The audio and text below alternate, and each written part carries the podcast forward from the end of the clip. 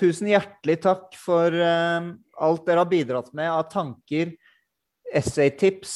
Uh, altså, dette kommer til å bli en gullgruve, tror jeg, for uh, norsk Og en vei, en ny vei for norsk essayistikk framover. For de som ønsker å, å, grave litt her, så er det mye å, å sette tennene i.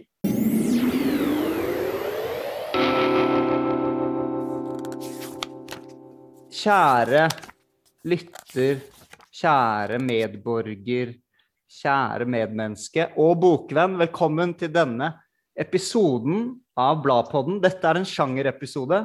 Eirin, en liten high five til deg. Vi har nå klart å få til eh, det vi mener er en fantastisk eh, opplegg. Vi har fått Bernhard Ellefsen og Ida Lødemøll Tvedt med oss til å diskutere essaysjangeren. Eh, vi får først bare si velkommen. Bernhard Ellefsen, kritiker og bokansvarlig i Morgenbladet. Velkommen til deg. Og essayist. Jo, takk, takk, takk. Essayist under tvil kan vi jo komme tilbake til. Yes. Men uh, takk skal du ha. Veldig hyggelig å få være med. Velkommen til deg, Ida Lødemel Tvedt, essayist. Ja, takk. Og som vanlig Eirin Andresen Betten. Altså, det er så mange titler. Essayist, journalist, kritiker, forfatter. Og tiramisu-kokk. Nå blir vi litt in interne her, men den var sykt god, eh, Eirin. Jeg skammer meg fortsatt. det var lov. Den, eh, den, forsvant den kvelden. Jeg tror, ja. det var det fineste. Ja. OK. Jeg heter Jonas Meyer som vanlig, og vi skal hoppe rett inn i, siden dette er Bokvennens eh, podkast, hva leser du for tiden? Kjære lytter, velkommen til denne fotnoten. Det har nå blitt en vane at vi klipper vekk hva folk leser for tiden, og putter det inn helt på slutten av episoden i en egen fotnote. Så du kan gå dit hvis du er nysgjerrig på hva folk leser for tiden. Og det bør du være, fordi det er gull å finne på den delen av podkasten. God fornøyelse. Ok, men la oss eh, kjøre i gang nå. Bernhard, du ga ut 'Imot døden' i 2018. 18. Ida, du ga jo ut Marianegropen i 2019. Og det første spørsmålet til dere da er hvorfor essayistikk? Hvorfor ble det essayistikk når dere skulle gi ut bøker? Nei, jeg tror som for mange så var det litt tilfeldig. Jeg tror man havner litt ofte litt sånn ja, Litt fordi man har et, et, bestemt temperament og en måte å tenke på som passer til det. Og så, og så var det for meg eh, mye kontekst. Jeg, jeg studerte og ville ikke skrive akademisk, men jeg ville bruke eh, teori og litteratur til å snakke om ting. Og da ble det litt naturlig. Det vokste litt fram for meg. Og Så var det studiesammenhenger og sånn som gjorde, det, som gjorde at, det, at, jeg fikk fordypet meg i essaysjangeren i noen år. Og så ble det min sjanger etter å ha liksom prøvd meg på kritikk, som jeg kanskje ikke følt meg helt hjemme i. Og, og, og ja, prøvd meg i akademia som jeg ikke følte meg helt hjemme i. Og så var det noe med et sånn voldsomt frihetspotensial i essaystikken, som bl.a. har med at all autoriteten i et essay må etableres der og da. At, at, eh, at man begynner fra scratch hver gang man begynner å skrive et essay, og ingenting man har gjort før, hjelper en. på en måte. Den, den der, det, det, er veldig liksom nesten sånn anarkistiske potensial i det. At man kan liksom opparbeide seg autoritet på et hvilket som helst tema. Det er mye med det å gjøre. Men så er det ikke sånn at det er, den, det er ikke den sjangeren jeg leser mest. Jeg leser mye mer lyrikk enn jeg leser essaystikk nå, men det er på en måte den jeg føler meg hjemme i. Og, og som jeg leser for å liksom komme meg Hvis jeg får hjemlengsel og går meg vill, så leser jeg essaystikk. Men, men det, det er blitt for meg en, måte, en veldig en, måten jeg har lyst til å være i verden på. Jeg har lyst til å skrive systikk så lenge jeg lever, og tenker på det som et langtidsprosjekt. Hvor ja.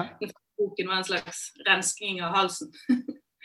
Dæven, eh, det var mange interessante ting du tok opp der. Eh, jeg har lyst til å gripe tak i en av de. Du sa du har et temperament som passer til essaystikk. Kan du bare si noe om hva slags temperament er det?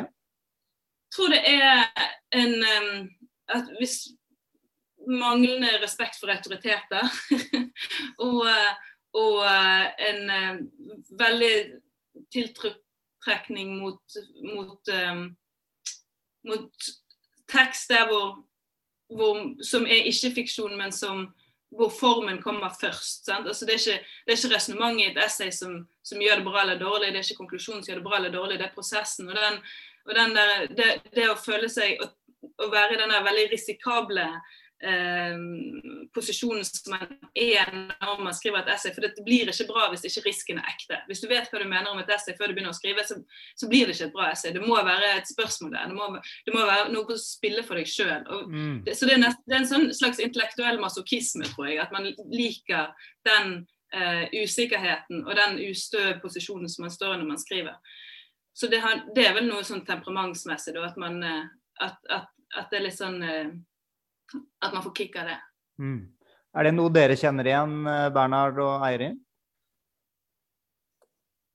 Eh, Eirin bare nikker. Det er jo lite verbal kommunikasjon. så da kan jeg Ja, tenk Bernhard skulle få lov til å inn først. Nei, det er, det er, veldig interessant eh, det du sier, Ida. Jeg, det er sikkert derfor jeg um, tviler på det selv. Fordi jeg føler meg helt hjemme i en av de sjangerne du nevnte som du ikke følte deg hjemme i, nemlig kritikken. Eh, som jo har vi kan jo diskutere etter hvert uh, nytten av disse sjangerbegrepene, kanskje. Uh, jeg syns ordet temperament, f.eks., eller følelse, eller no, at noe smaker av noe, kan være vel så uh, virksomt. da. Men jeg, jeg må innrømme at jeg ikke føler meg hjemme i essayistikken, har jeg oppdaga. Jeg kommer aldri til å kalle det noe jeg har skrevet et essay igjen. men det er selvfølgelig mye overlapp, da. Eh, men min identitet er som kritiker, da, og, og tenker at den har, kritikken har mye til felles med eller kan, Kritikken kan finne sted i et essay av mange av de grunnene som du var innom. altså At uh, autoriteten også etableres tekst for tekst. Det er ikke en akademisk tekst hvor, hvor kunnskapsakkumulasjonen liksom uh, foregår i veldig stor grad utenfor hvert enkelt bidrag. Uh, det er definitivt også rom for høyttenkning, eh, spørsmål osv. Eh, men, men det har jo også en sekundærlitterær karakter, da, eh, som jeg eh, identifiserer meg eh, veldig sterkt med eh, og trives godt med. Så for min del med min bok f.eks., så tenker jeg kanskje nå på altså Boka er jeg fornøyd med, men jeg er nok ikke egentlig fornøyd med den sjangerbetegnelsen. Det føles nå som en etterrasjonalisering jeg ikke helt trives med. Mm. Uh, alle sjangerbetegnelser tror jeg er etterrasjonaliseringer. Man skriver jo den teksten man skriver, og så um, ser man sånn cirka hvor i bokhylla det passer inn etterpå. Men kanskje jeg er litt uenig med meg selv, altså. Hvor i bokhylla mitt arbeid hører hjemme. Jeg syns du høres ut som en erkeessayist ja, når du snakker, Bernhard. ja, det er det, vet du. Det er, uh, hvem gjør ikke det, uh, hvis man ikke er helt sikker på hva man sier. Men, men vi kan komme litt inn på det etter hvert. Altså, men det er jo essay-begrepet har jo en sånn underlig, um, underlig tvetydighet. Er det egentlig en sjangerbetegnelse, eller er det et ord som vi bruker når vi mener at noe er bra?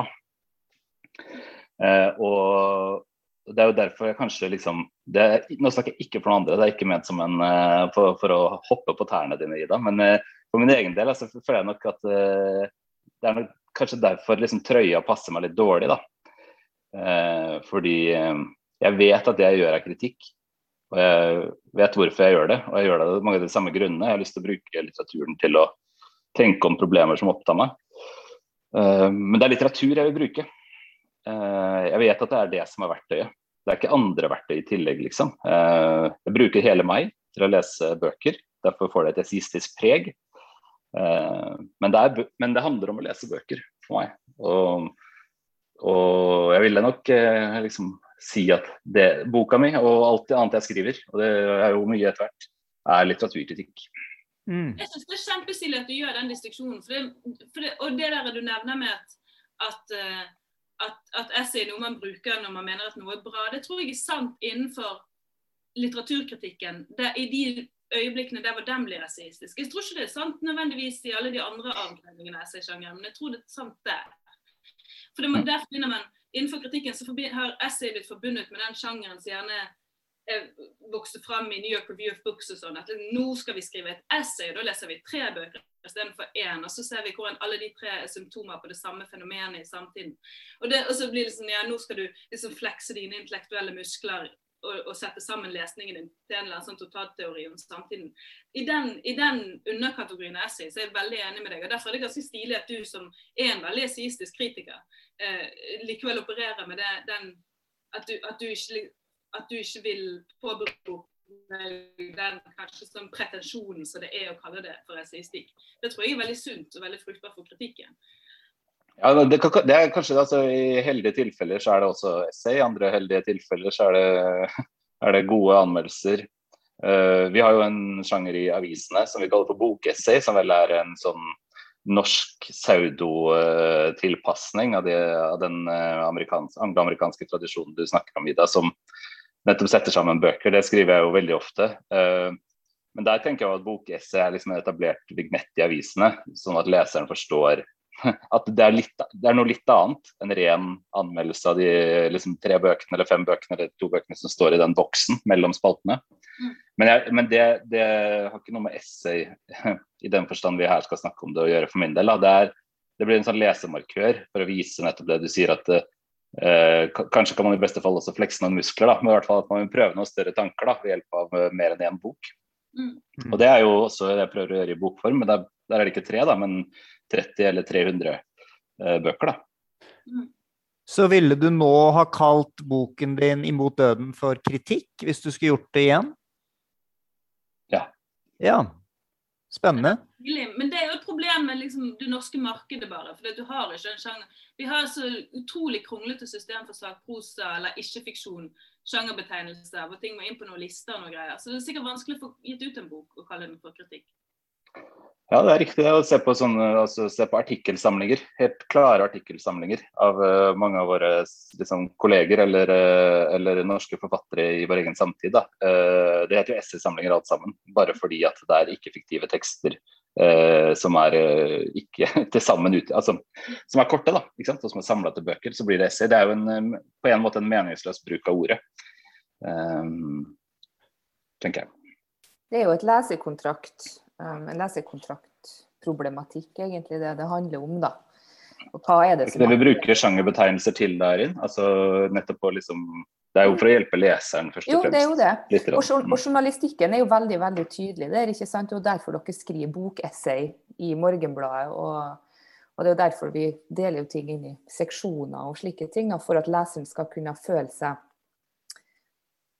Hva skal vi si da? At Leseren skal kunne orientere seg i det landskapet. Og ved å titulere noe, så, så vet leseren hva en har lest, og ikke minst hva en kan forvente, slik at en slipper å gå um, ut i et terreng som en kanskje ikke kan manøvre seg i. Da. og Det er jo det som er litt, akkurat det som er litt interessant med essayet. altså Det er jo den ufullstendige, ufullstendige formen, da, om vi kan kalle det for det, som kan opptre uh, i så veldig mange ulike former for det journalistiske essayet og det litterære essayet og det erkjennende essayet osv. osv. Det er jo så veldig mange ting.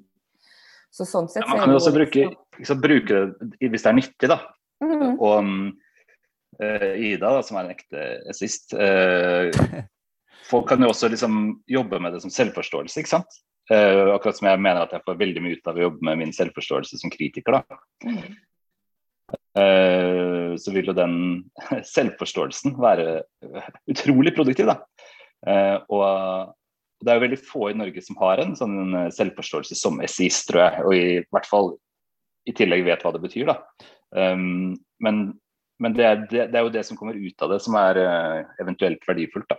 Hva mener du med å jobbe med sin selvforståelse som kritiker f.eks., eller essayist for den saks skyld? Det er mye lettere å utdanne seg selv Eh, til man dør, da, eh, hvis man vet hva man utdanner seg til. Mm. Så En selvforståelse vil jo f.eks. styre hvem man velger å lese for å lære. Eh, hvem, hvilke valgslektskaper man gjør seg, og hvilke forbilder man velger seg. Okay. Og så, så det, så det har jo en sånn selvdannende funksjon, da. Hva man tenker på seg selv som. Mm. Så ved å, for deg, da, ved å, å bevege deg vekk fra essayist merkelappen, så, så, skaper det en annen retning på tenkningen, en annen retning på bøkene du velger å lese osv. En overlappende, men litt ulik retning. Litt, litt ulik, ja. Jeg har lyst til å gripe tak jeg bare, bare, Kan jeg spørre, bare for, hvis det, før du spinner videre? Eh, for du sier at du liksom føler deg hjemme. og jeg vet, Det kjenner jeg godt igjen, at man har en sjanger man føler seg hjemme i. Og kan vende tilbake til, sånn som man kan, til hjem. Kan du si litt mer om det? Uh, hvordan SE der fungerer som et hjem for deg? Ja, altså det er en sånn ting, en floskel som man gjerne sier på sånne skriveskoler og sånt, det er at, er at man skal skrive poesi når man er ung og essaystikk når man er gammel, for det, poesien krever liksom vitalitet og lidenskap, og essaystikken livserfaring og selvrefleksjon. Men for meg er det et eller annet sånn, det er noe vridd på det. Jeg, har, altså sånn, jeg, drømmer om å bli 70 og liksom debutere som poet, og så, bare, og så skrive masse dikt og dø. Jeg har titler til alle diktsamlingene jeg skal skrive etter. Ikke?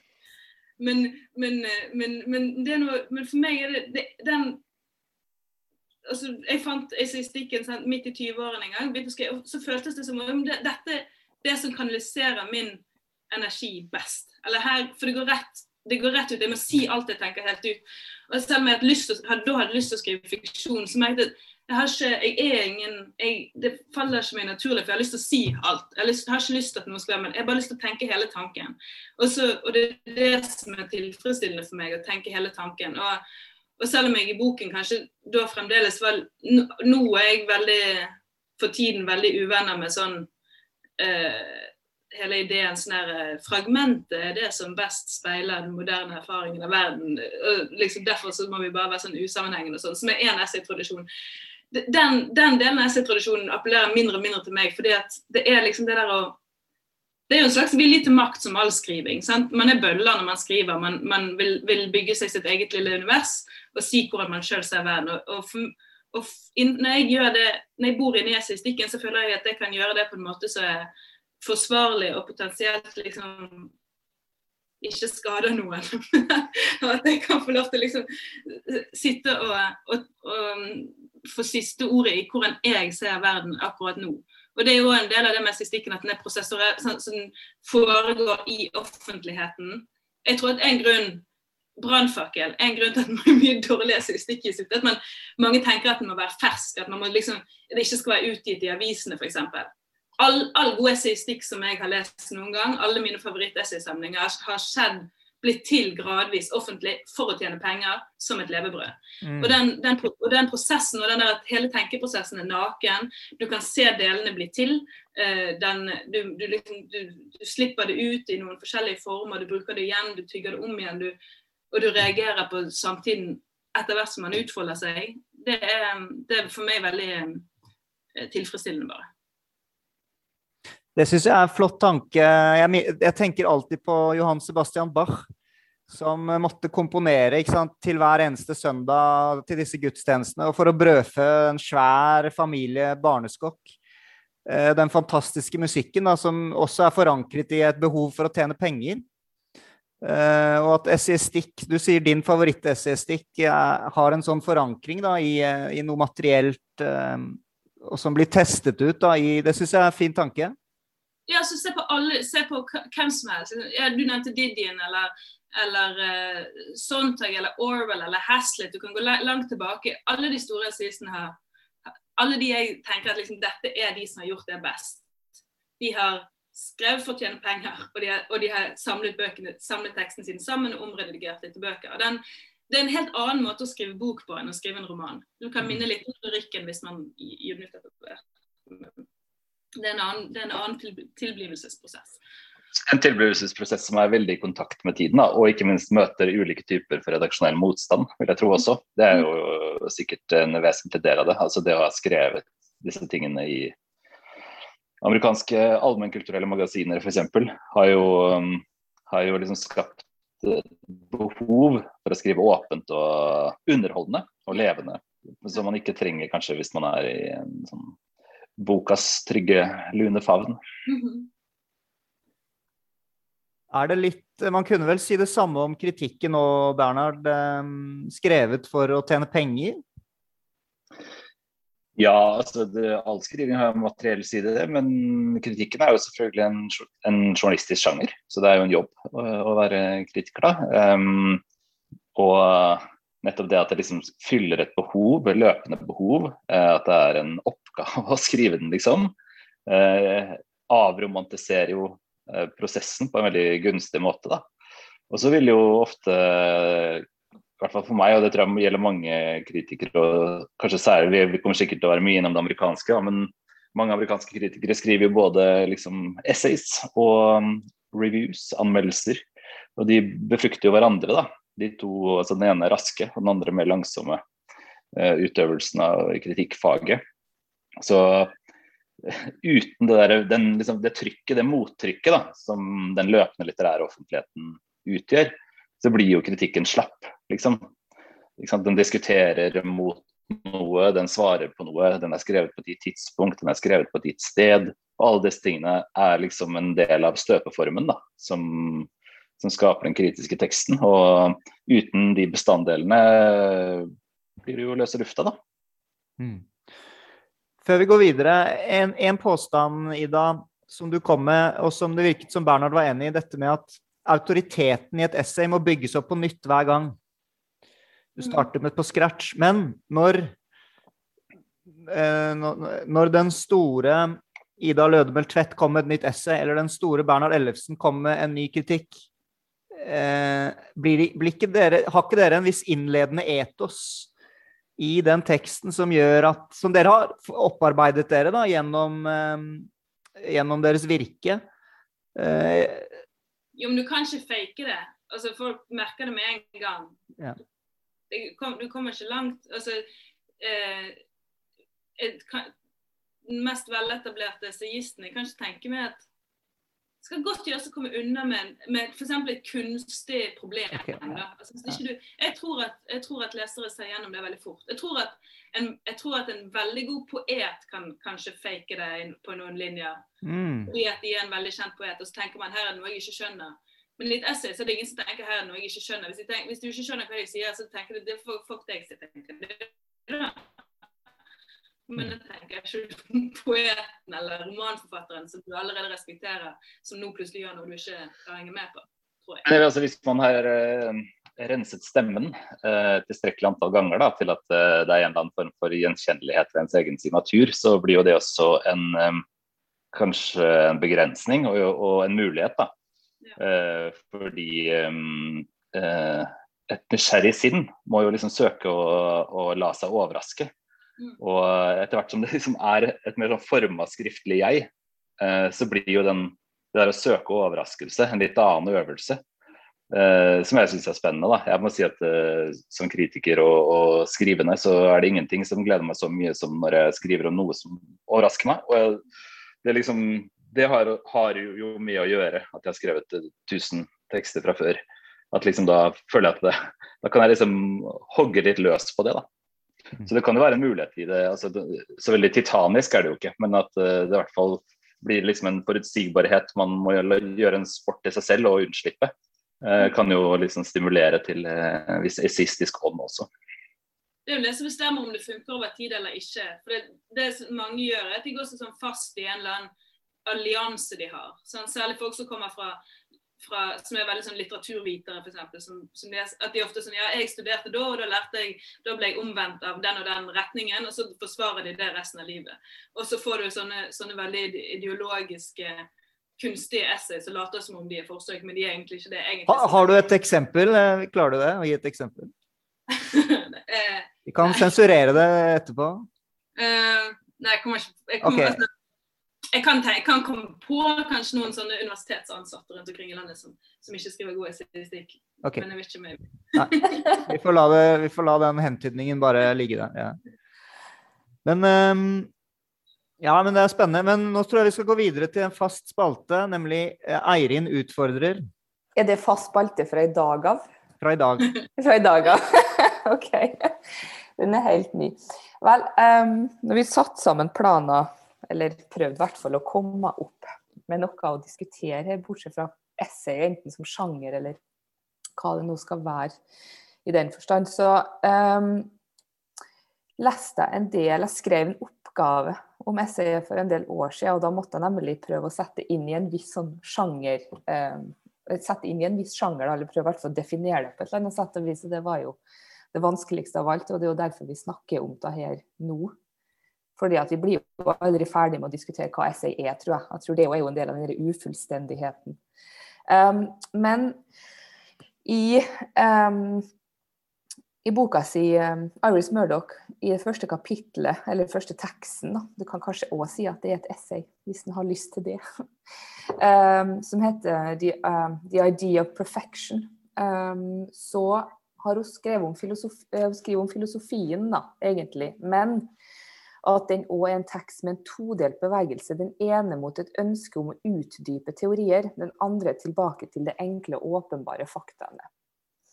Og um, altså Det å utdype teori det kan jo være veldig, det kan jo være egentlig hva som helst for det i den. Altså, det kommer an på hvilket tema du har valgt å, valgt å, å skrive om. Men altså kommer tilbake til de enkle, åpenbare fakta faktaene. Og da tenkte jeg òg litt på, på, boka som vi nå kaller 'Kritikken til Bernhard Ellefsen imot døden', bl.a.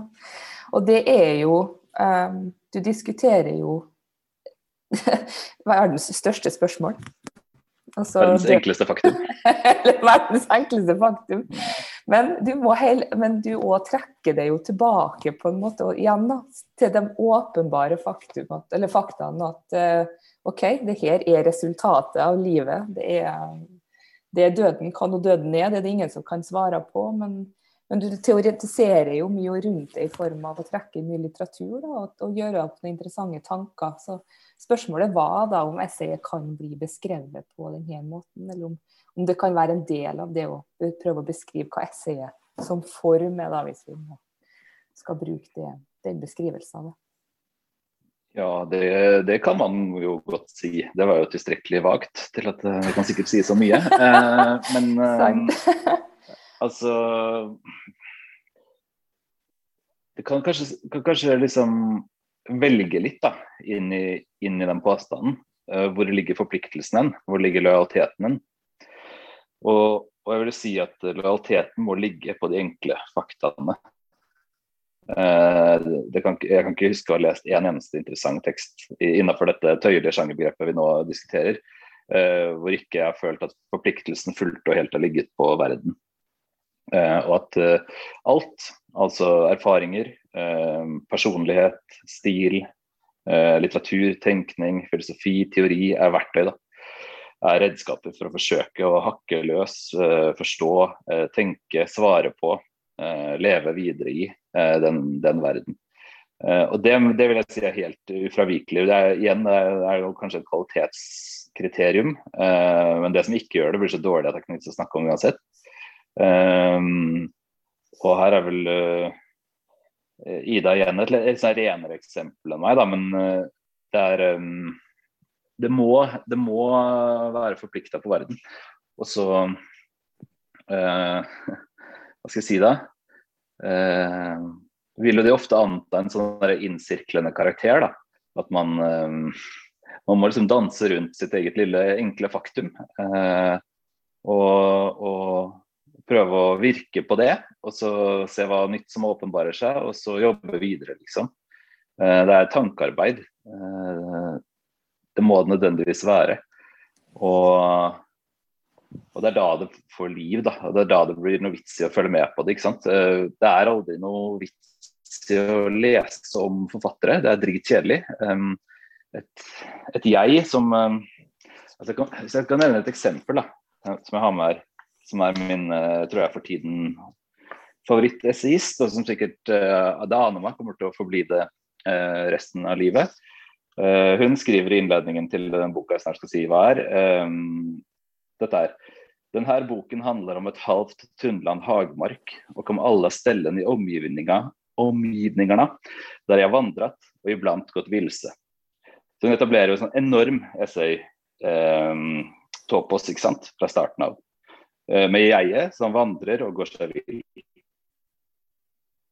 Dette er eh, fra side tre i Kerstin Ekmans eh, bok fra 2018 som heter 'Gubbas hage', som er den fjerde av uh, fire essayistiske bøker om uh, svensk natur. Uh, men leseren som leser videre, vil ikke, vil ikke finne at dette jeget tar noen som helst liksom, egen plass.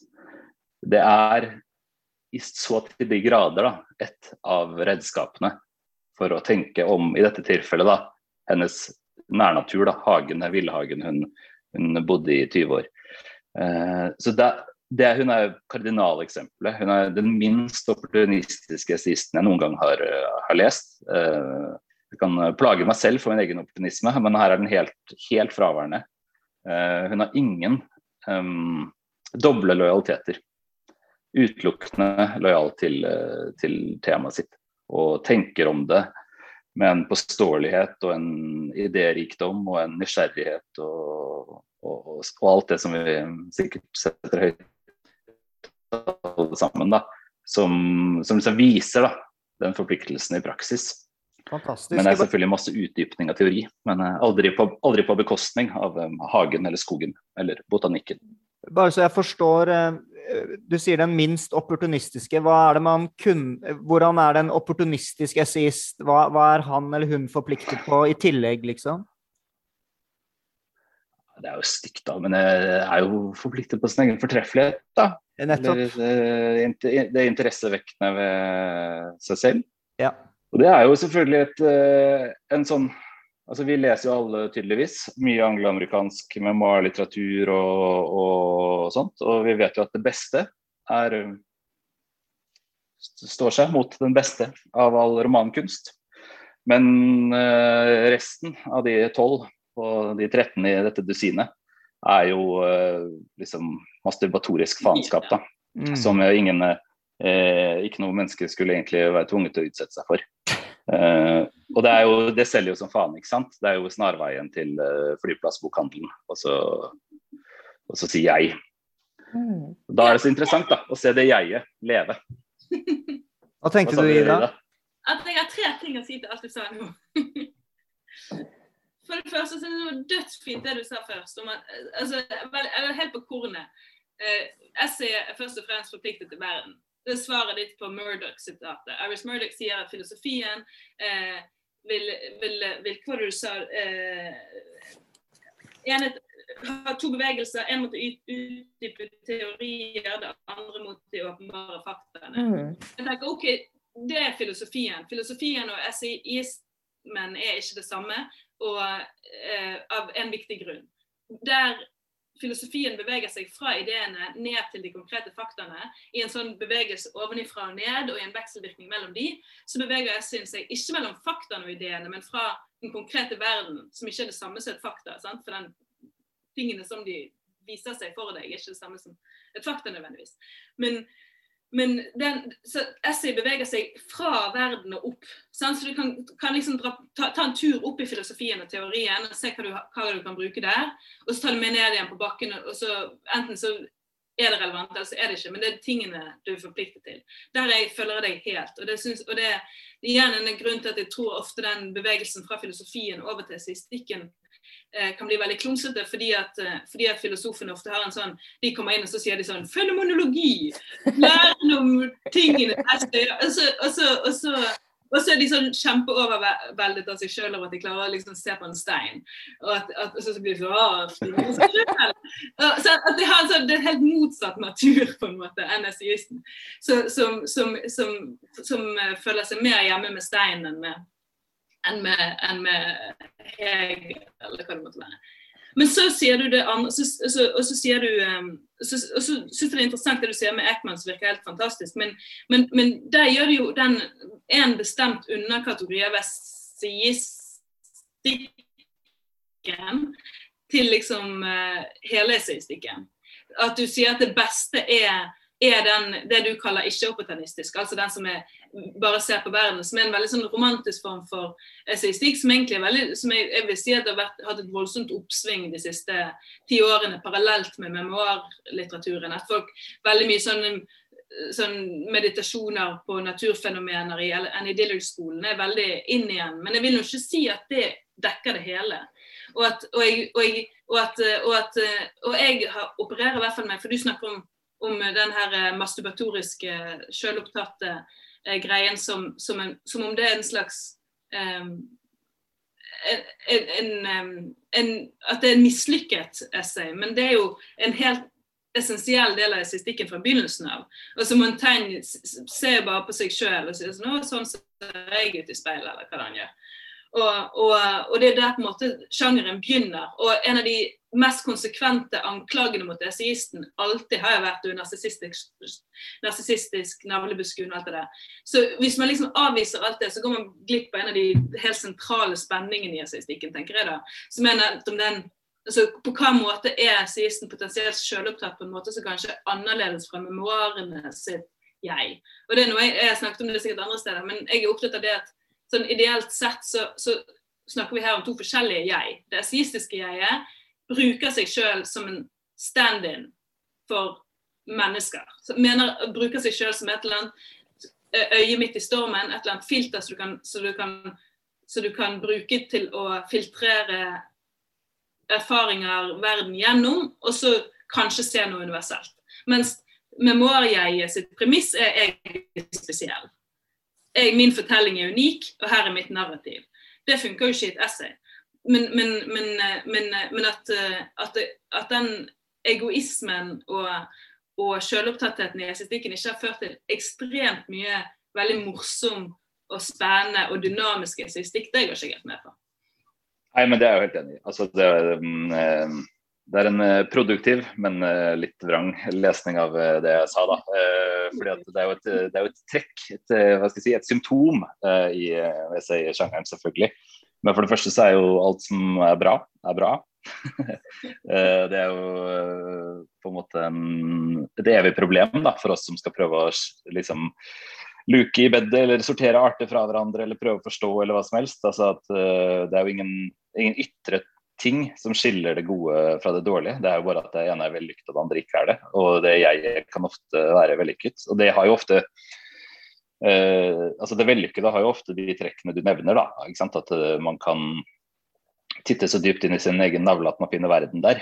Uh, og jeg, som i romankunsten setter forfattere fra Roth og Mailer til Knausgård aller høyest og ofte, da, vil jo liksom tenke på det i romanestetikken. At dette jeget, som er, sant, har veldig sånn grandios selvforståelse eller eller en voldsom liksom, vilje til å grave i sin egen subjektivitet, eh, er veldig potent. Eh, ikke i ja, sikkert i flere betydninger av ordet, men også en mer interessant betydning av ordet. Eh, så det er, det, er go, det er, veldig godt poeng, altså. Virkelig. Eh, men det er jo åpenbart en fallgruve eh, for the lesser essayists å stole for mye på, på jegets liksom, kraft, og ikke minst eh, Eh, være litt um, lemfeldig med bruken av det som virkemiddel. Um, fordi noen ganger så krever um, liksom materialet vårt en personlig tilnærming. Sånn som jeg tenkte da jeg skulle skrive om død og litteratur. Det er meningsløst å legge det på et sånn tørt laboratoriebord.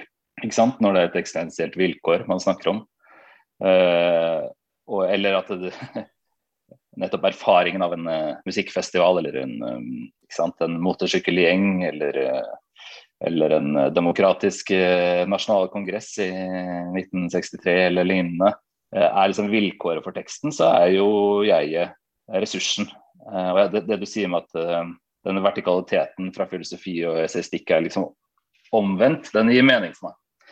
Men allikevel så ser jeg jo at jeg um, trekkes stadig mer mot statistikk som kanskje nesten på sånn pedagogisk vis flagger sin egen forpliktelse på verden. Det kan være min tilkortkommenhet som leser, at jeg trenger, den, trenger det som signal. Men, uh, men jeg har satt uh, mer og mer pris på det. Det er nok noe av grunnen til at Ekman f.eks. står for meg nå som en veldig stor essayist. når hun kanskje ikke engang ville kalt seg det selv. men men også hvis det er et essay, så er det et essay på 500 sider, dette her, og det er jo også de andre uh, bøkene. Eh, de er jo ikke noe De er jo jævlig lange eh, og ganske gjenstridige i sin eh, motvilje til å ta leseren i hånda. da. Men ja, jeg er egentlig enig i det du sier. Det er bare det at det er jo ikke alle som er gode. Nei, og jeg er enig i det du sier, at det er utrolig mye eh, altså sånn, Særlig det lidende jeg i essayet funker ofte dårlig.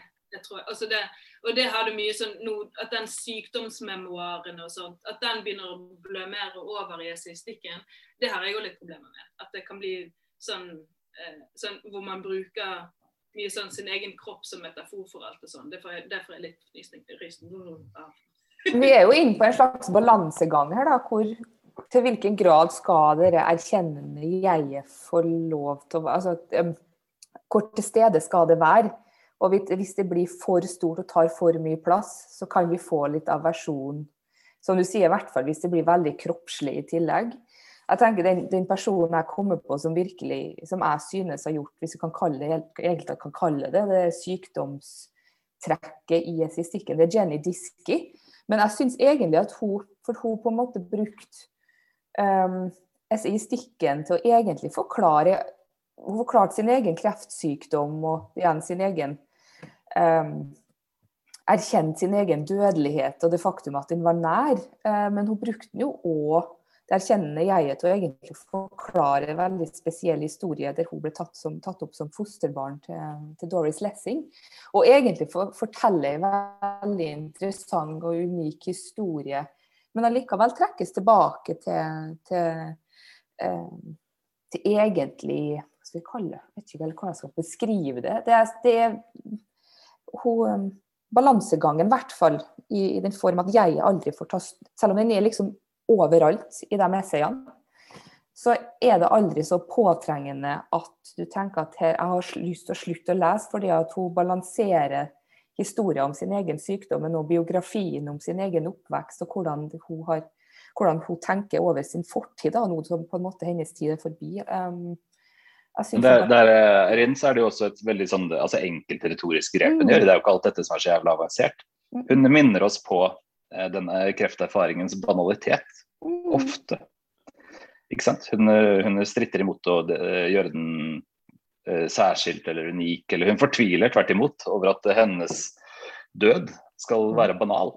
Mm. Og så er jo den som Ida er inne på, det tenker jeg er en nyttig distinksjon. at Memoarlitteratur eller selvbiografi ikke er det samme som estetikk mm. nødvendigvis. Og, og, sånn sett så gjør jo 'Ingratitude', som er den, mm. Eh, det den boka heter, uh, rett og slett to ting som egentlig er litt separat. hvor Det ene er en memoardel som er superkulturhistorisk interessant også. så selv, altså Uansett hvor uh, negativ man måtte være til jeget, og jeg er ikke så negativ altså, men, uh, men, hvis man skulle være veldig negativ, så er det jo fortsatt superinteressant å lese om Doris Lessings uh, liv på den måten, og ikke minst at Diski selv er en betydelig forfatter av hennes rolle i den.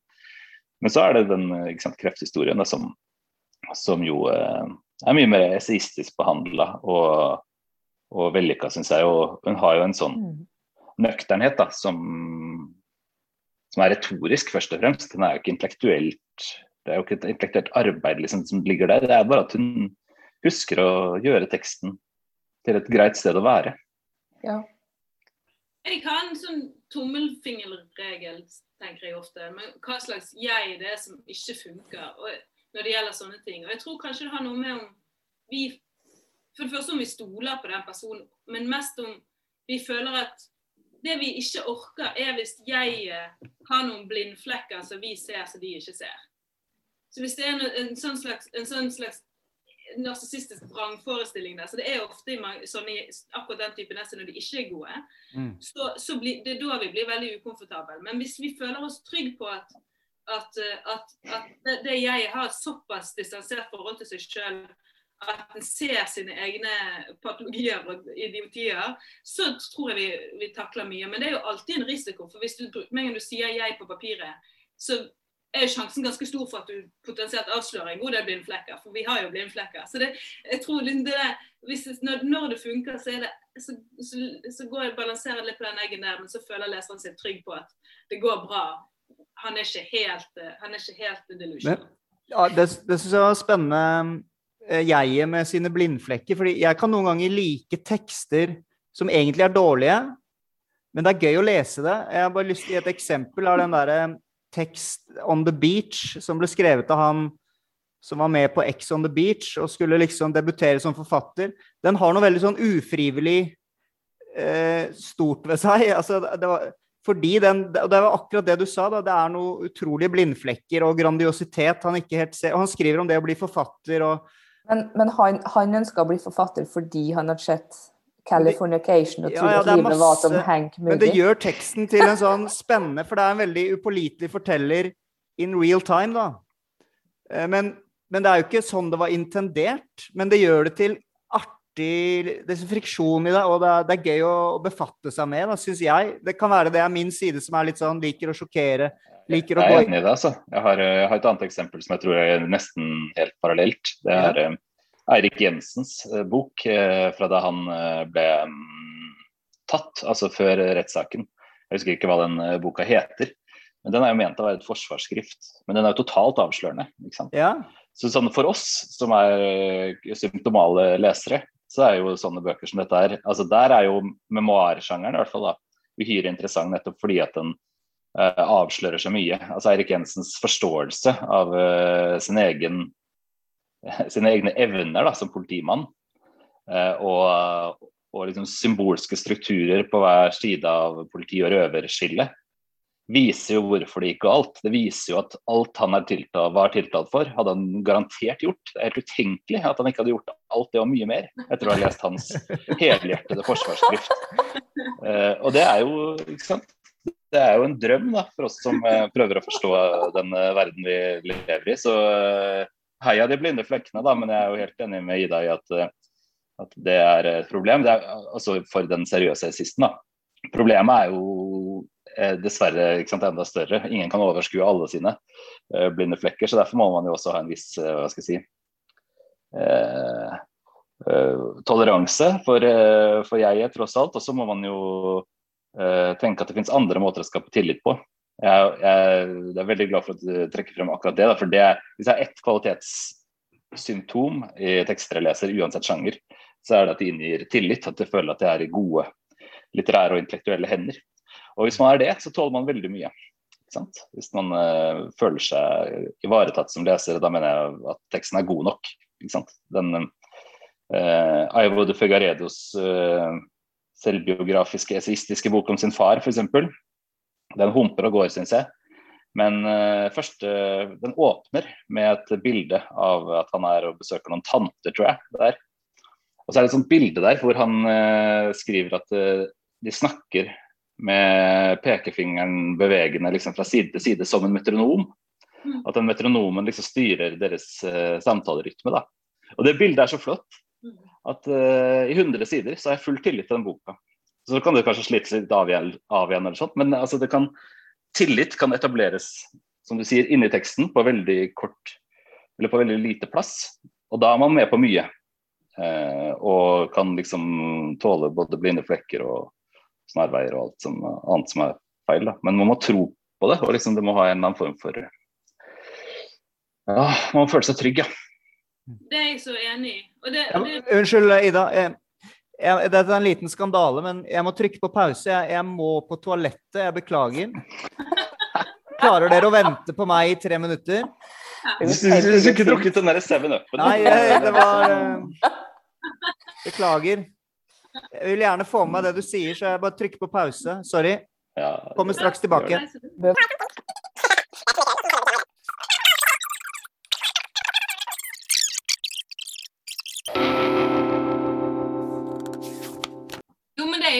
Kanskje bare skulle si at jeg er veldig enig.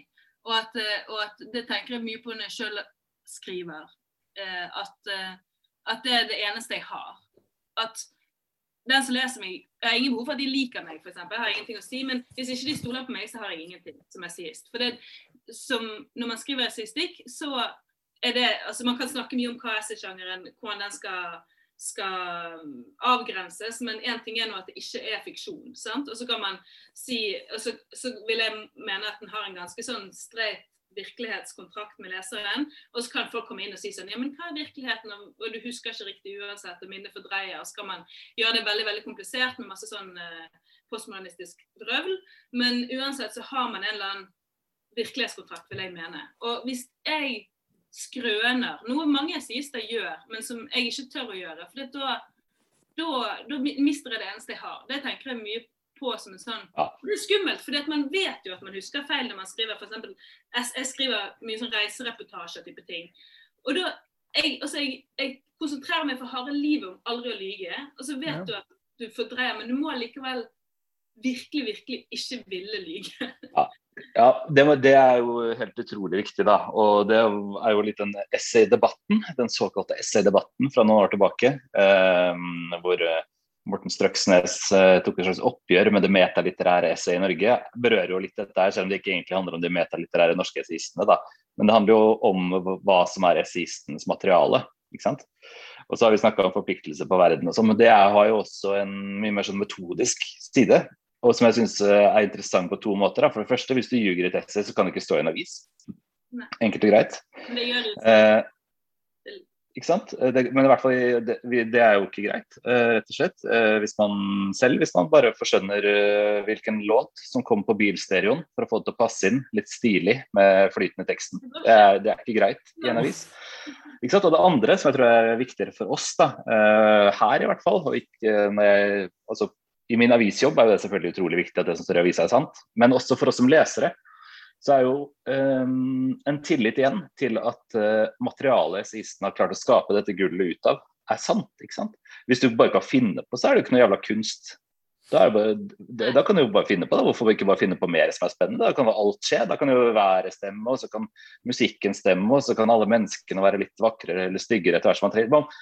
Hvis man leser en, en tekst og tenker her er det faen meg blitt bra, og tenk, dette har blitt så bra ut av det sisten selv har opplevd. Det er sant. Det samme. Derfor blir det et spørsmål om form like mye som moral. Altså, moral til side, så vil, fordi at du i for eksempel i, i essaystikken så kan du skrive det helt usannsynlige. Sant? Verden er full av ville tilfeldigheter. Så du har skrevet til en roman, så hadde det ikke blitt troverdig fordi at det er en for perfekt tilfeldighet.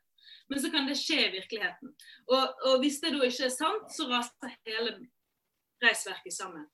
Så det, og det er, en, det, er vans, det er en veldig vanskelig del av det å skrive essaystikk. Men, men jeg tror at uh, en ting som kjennetegner disse, de som irriterer meg som gjør det, er at jeg ikke tror på dem. Jeg tror at de skrøner.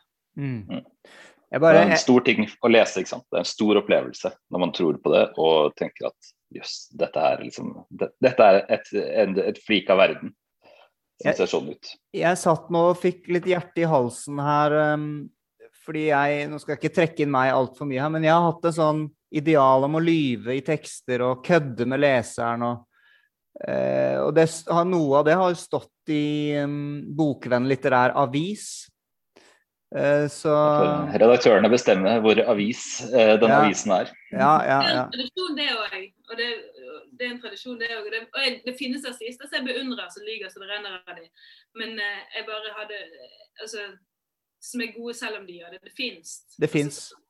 den læreren som har vært viktigst for meg, og som, som, som Real Marcus, som var en sånn fantastisk kritiker på tidlig, begynte vel på 60-tallet, 70-tallet i USA, som, han, han sånn som skrøner, og som kan forsvare det veldig godt, og en sånn, en sånn skrøneseiistikk som, som han på et eller annet Og det, det har jo stått på trykk alle slags respektable steder, så det, det er en sjanger, det òg. Men okay. det, det er ikke min sjanger. Nei, nei. Men det er også en sjanger som Det hadde ikke gått lenger. Det er en annen tid.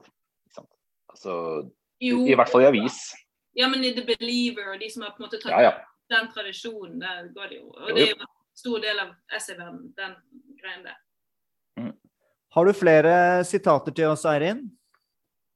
Jeg har ikke et sitat, men uh, eh, det er henta ut ifra uh, boka til Arne Melberg, ehm, som heter 'Essayet'. Der han prøver da, han har samla en hel rekke eh, essay da, for å um, og så prøve på en måte å samle det her og i, under én uh, paraply, vil jeg ikke si. Men han, for det, det er jo Derfor så snakker jo han um, at essay egentlig ikke har en form, men at vi heller skal prøve å lete etter essayets ånd. Og at ånden er åpen og et uavslutta eksperiment. Og det syns jeg er en, en ganske fin uh, måte å kanskje forklare det på, da, fordi at det, det passer jo inn i mye av det vi egentlig har snakka om her, og at det er du kan gjøre så mye med det, og det er en, en, en ekstremt fleksibel Nå må jeg bruke ordet form, da. Men du kan kalle, vi kan kalle det en ånd. Da. Det, det er en tekst som har en, en, fleksibilitet som kanskje veldig få andre tekster har. Um, både i form av hvor, hvor villig du er til å legge altså jeget, hvor, hvor, fremtredende det skal være, eller hvor tilbaketrekk det skal være, og hva du skal behandle, og hvordan du velger å trekke inn de åpenbare faktaene, eller hvilken teori. Altså, du kan snakke om alt, du kan gjøre alt, du kan trekke inn alt. Eh, og det er jo dermed vi kanskje gjør essayet til så ekstremt vanskelig, fordi at vi snakker rett og slett Kanskje vi ikke snakker om en sjanger, men vi snakker heller om en ånd, og den ånden da, har fått ordet essay. Det å prøve ut noe, og det er egentlig det vi gjør. Vi prøver ut de her tankene på verden for å se om det passer inn i um, Eller se om våre tanker om verden da, kan få litt gjenklang hos andre mennesker, eller vi bruker det som um, vi bruker det som et rom for å, for å skape litt orden i en verden som um, kan være ganske kaotisk. Eller skape kaos i en verden som alltid dras mot orden. Ja, for David Foster Wallace skrev jo òg bl.a. skrev her i sted at um, um, essayet må forholde seg til det som kalles for total noise. Da. The tsunami of available facts, um, context and um, perceptions, eller perspective, unnskyld, perspective er det. Og det er den sånn totale støyen som du da har tilgjengelig og som du da kan legge inn i essayet, og dermed prøve å skape orden, da, om det er det du ønsker. Jeg vet ikke om det betyr at den, noe, at den er noe mer utflytende enn romanen er. Altså, all tekst kan du gjøre hva som helst med. Jo, da er vi tilbake på det den sannheten ja. som vi snakka om i sted. At det at du må forholde deg til sannheten, ja. gjør at et enkelt essay faktisk har en viss form for avgrensning. For du ja. kan ikke kødde med hvilken sang du Nei. velger å inkludere, og det kan du gjøre i romanen. Ja. Eh, Så egentlig er den mer avgrenset enn romanen. Altså det er mer tydelig hva et essay er enn hva en roman er, kanskje. Ja. Men den er fin, den, den, den, den definisjonen til Melberg, eller mm. Selv om ånd kanskje er litt svulstig. Jeg vet ikke om det ja. Jeg ville kanskje heller sett essayets temperament eller essays. Ja. Men altså, en mm. måte å skjønne hva essay er, å lese masse essaystikk. Og et problem vi har her til lands, er at det er veldig lite essaystikk som leses, tror jeg. Da. Eller en veldig liten, liten underkategori av essaysjangeren som trykkes i avisen og sånn. Mm. Så jeg, jeg, det, jeg, har en brannfakkel på det. Jeg kunne ønske at det kunne blitt litt mer utvidet, det essay-begrepet som man opererte med i avisene. Eh, sånn at man kunne fått bredere, en, en bredere orientert tradisjon. At man kunne eh, eh Ja, for det Så for eksempel det mer sånn reportasjeliggende mm. har vi jo ikke så mye av. Jeg, så jeg skriver en dag og tid nå, der går det an å gjøre det. men jeg ser ikke at det er så mange andre norske aviser der man kan gjøre det. Nei, det er Morgenbladet, og så har jo Klassekampen har jo, hvis de vil, rom for det på den der ideer-sida si, men altså sånne ting som Aftenposten og VG og, altså det er et, det er et tapt prosjekt tror jeg, når det kommer til stikken. Ja, men er, jeg tror jeg, Hvis jeg forstår det rett, mm. så er det, det er litt mer spesifikt enn så Jeg vil ikke si at vi gjør det i det hele tatt, eh, noen Nei. gang. Um, det er en distinkt sjanger. Altså, i, um, I dag og tid er det en sjanger som dyrkes. Uh, The Reported Essay, uh, som er, uh, er, ganske distinkt, syns jeg. Og hvor du jo ikke er alene. Hvor Strøksnes til dels gjør det samme, hvor ikke det samme, men altså befinner seg i det samme sjangerlandskapet. Mm. hvor Ravatn gjorde det sant, på sin måte, hvor til og med, som jeg ikke akkurat leser med veldig stor interesse, da, men Rem mm. også skriver Hallgeir Oppedal har uh, skrevet uh, 'reported essays'. Så det er jo en hel stor skriftpraksis i dag og tid som i praksis ikke finnes noe annet sted i norsk uh, avisflora. Men hvis jeg kan bare tenke litt videre på det du, altså dette med ånd eller temperament, eller sånn, det tror jeg kan ledes inn i noe som jeg tenker om ordet essay. at det, Jeg har mye lettere for å bruke det som adjektiv enn som substantiv. Altså at noe er essayistisk. og det det, det, det treffer bedre for, for meg, i hvert fall i min lesersensibilitet. Jeg hadde et eksempel her, eh, skrev en anmeldelse uh, for noen uker siden av en kunstutstilling jeg jo da ikke har sett. Da. Det er jo i seg selv en idiotisk ting å drive med, men uh, det er jo eh, vår tid. men på Bonniers konsthall akkurat nå så henger det en stor retrospektiv av en um, svensk-tysk kunstner som heter Ann Butcher. Uh, som har skogstematikk igjen, da. Beklager uh, monomanien. Men uh, den, der er det ett stort verk, et ganske tidlig verk av Butcher som heter den svenske serien, tror jeg. The Sweden Series i katalogen jeg har, da. Som er fra 2003 til 2005, og som har vært utstilt før i sin helhet, og her er utstilt i utvalg. Og Det er et verk som er 21 meter bredt. Eh, og det er sammensatt av, eh, av eh, blyanttegninger av grantrær, som er hennes liksom, eget visuelle varemerke. Og utskrifter, fotografier, oppkopierte boksider, Post-It-lapper, postkort. Masse arkivmateriale. Og så er det satt liksom sånn at man det har en linearitet.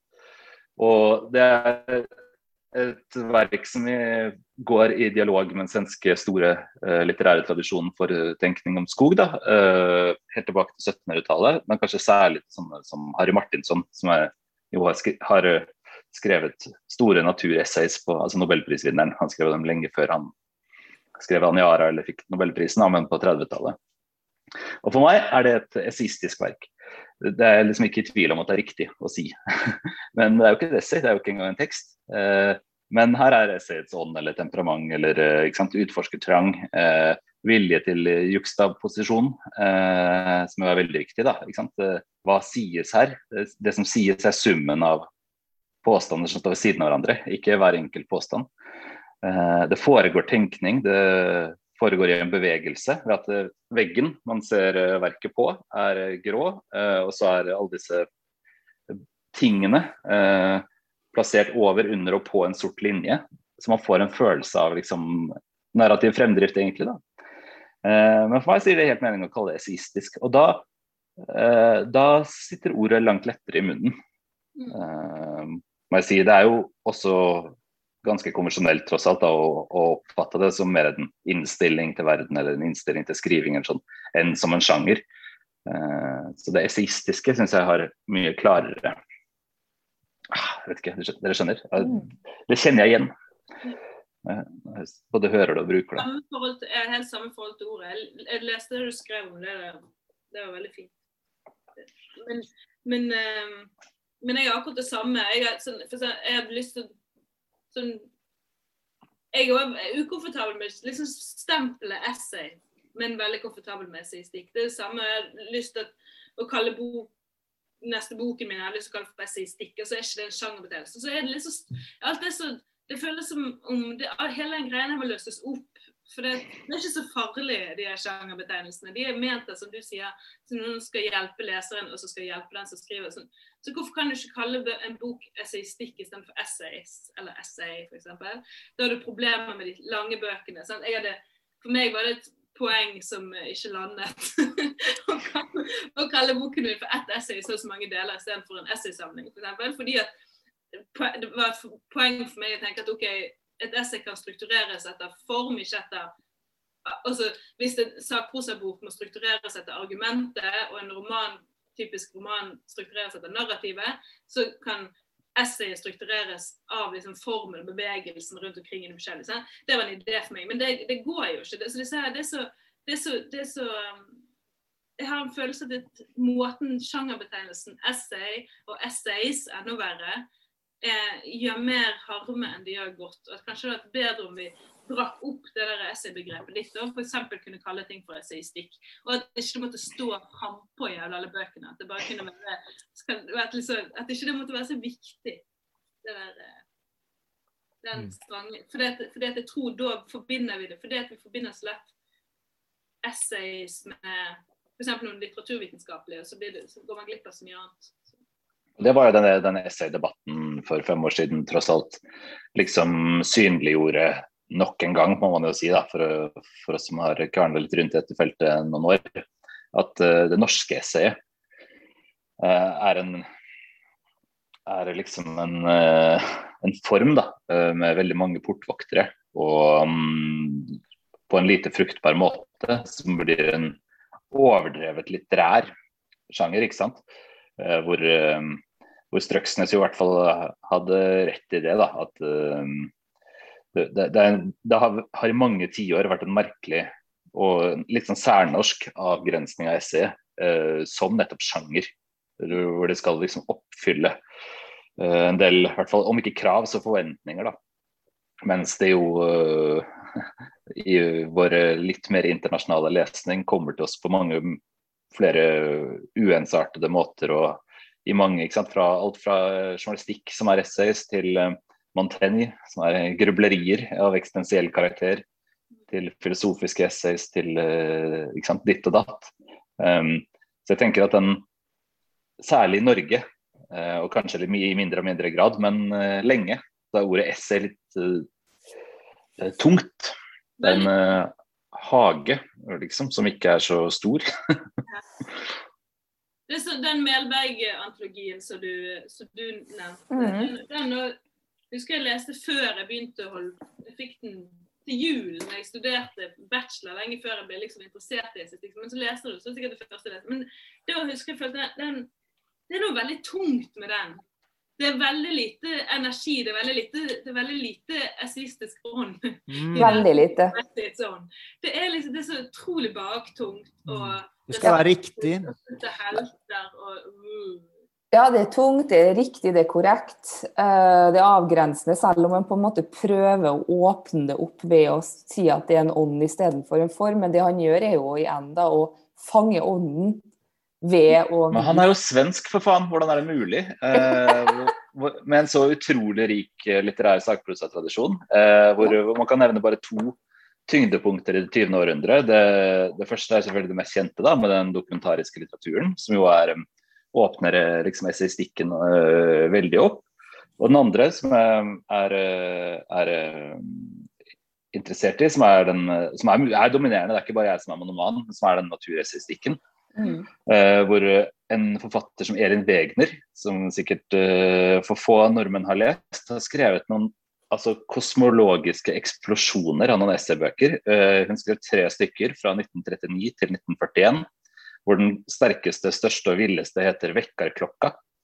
Og Den er vel fra 41, hvis ikke jeg husker feil. Eh, det er en, um, det er, den har på en måte i sin tenkning altså en karakteristisk vitalistisk feminisme. altså Hun begråter uh, at kvinnen har blitt drevet fra hjemmet til, uh, til arbeidsplassen. At hun har mistet sin liksom, sentrale posisjon i livets sirkel.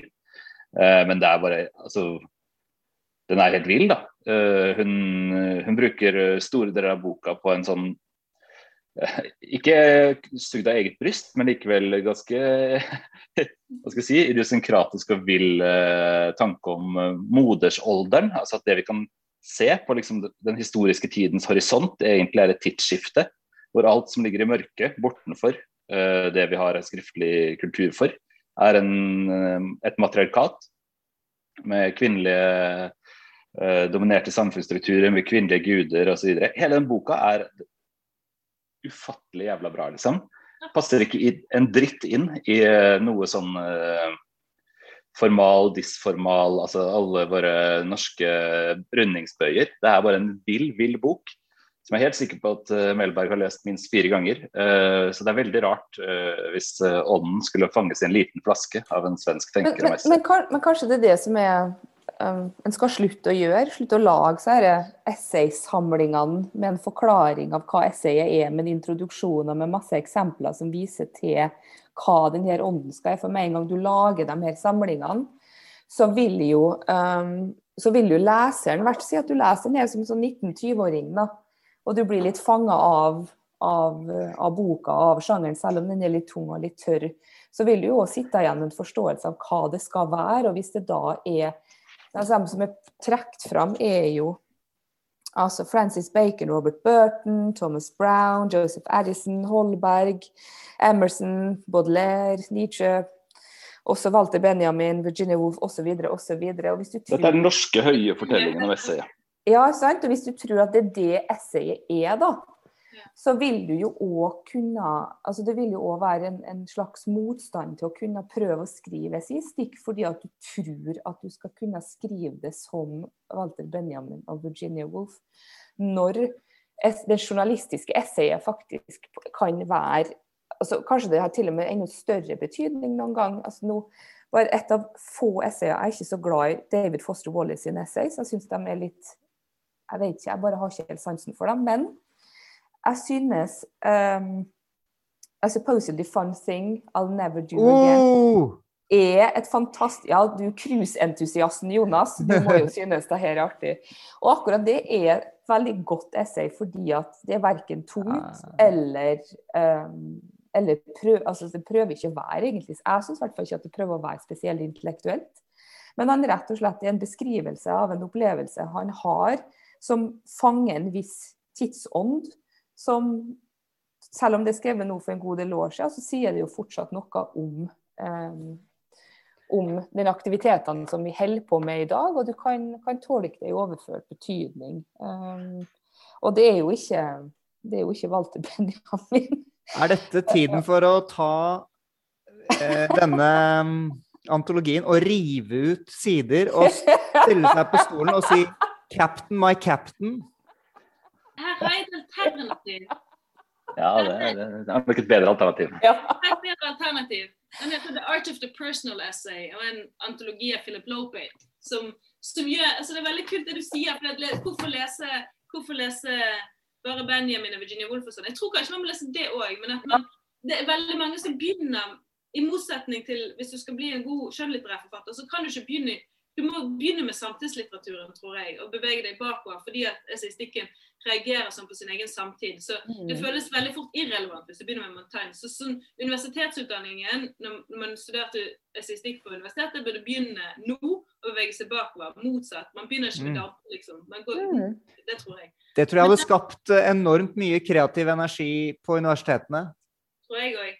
Man kunne også begynne, begynne i den andre enden av forfatterskap. Man kunne begynne med å lese Common Reader-essayene til Wolf i stedet for de lange og litterære. Så Mm. vil man få den mer Absolutt. Men dere, altså, Jeg er denne episoden her burde vi Nå nesten fire tatt timer lang. Men vi, vi burde tatt betalt for den, fordi det blir nevnt så mye spennende litteratur. Uh, jeg, jeg, virkelig, jeg, har lyst til å Hvem saumfare skulle betalt oss for det her, eh, Jonas? Markedet Jeg tror markedet er villig til å betale for dette her. Eh, men, men neste punkt er jo litt, og nå har dere nevnt så mye, men nevne essay dere liker. Kan være det er uttømt for i dag, jeg vet ikke. Det er jo masse spennende essaystikk dere allerede har nevnt, men eh, I, i, I det jeg nå føler at jeg har skjønt at det er Bernhard sin skole, som jeg leste i dag. ja. Som du sikkert har lest. Men, men, eh, men eh, har du lest 'Teaching a Stone to Talk'? Oh, du Nei, jeg rister på hodet. Eh, Ja. Sier jeg, siden det er radio. det er, det er Annie Dillard, Ja. som er jo helt fantastisk. Og, og det er et utrolig, så utrolig stille lite essay om stillhet. Og om, om å Det begynner med at hun er på en øy, og der er det en, er det en, en lokal eksentriker som, som, som har en stein hjemme som hun prøver å få til å snakke.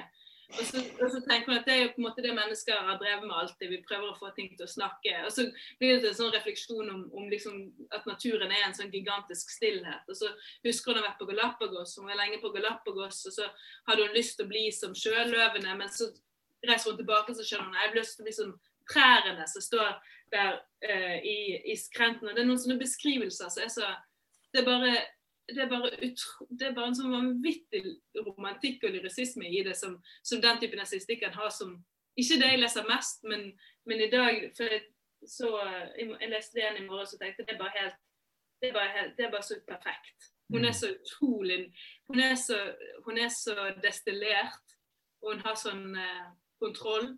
Og, um, og det, det er en type sistikk som jeg sånn så jeg beundrer fra avstand, så jeg syns det er helt utrolig. Og, fordi at eh, den eh, Å ha så mye luft i, og plass i tankene, det virker hun, hun, er god, hun, er god, hun er god nok da, fra det andre jeg har lest til å hva skal jeg si da, avskjære seg selv fra veldig mye fiksfakseri. da. Hun, eh, hun trenger veldig lite. Ja, ja, hun er jo en av disse typiske asketene sånn, så i 20-årene bare reiser og, og er i, ved et lite skjerm i årevis for seg sjøl og sitter og tror om det.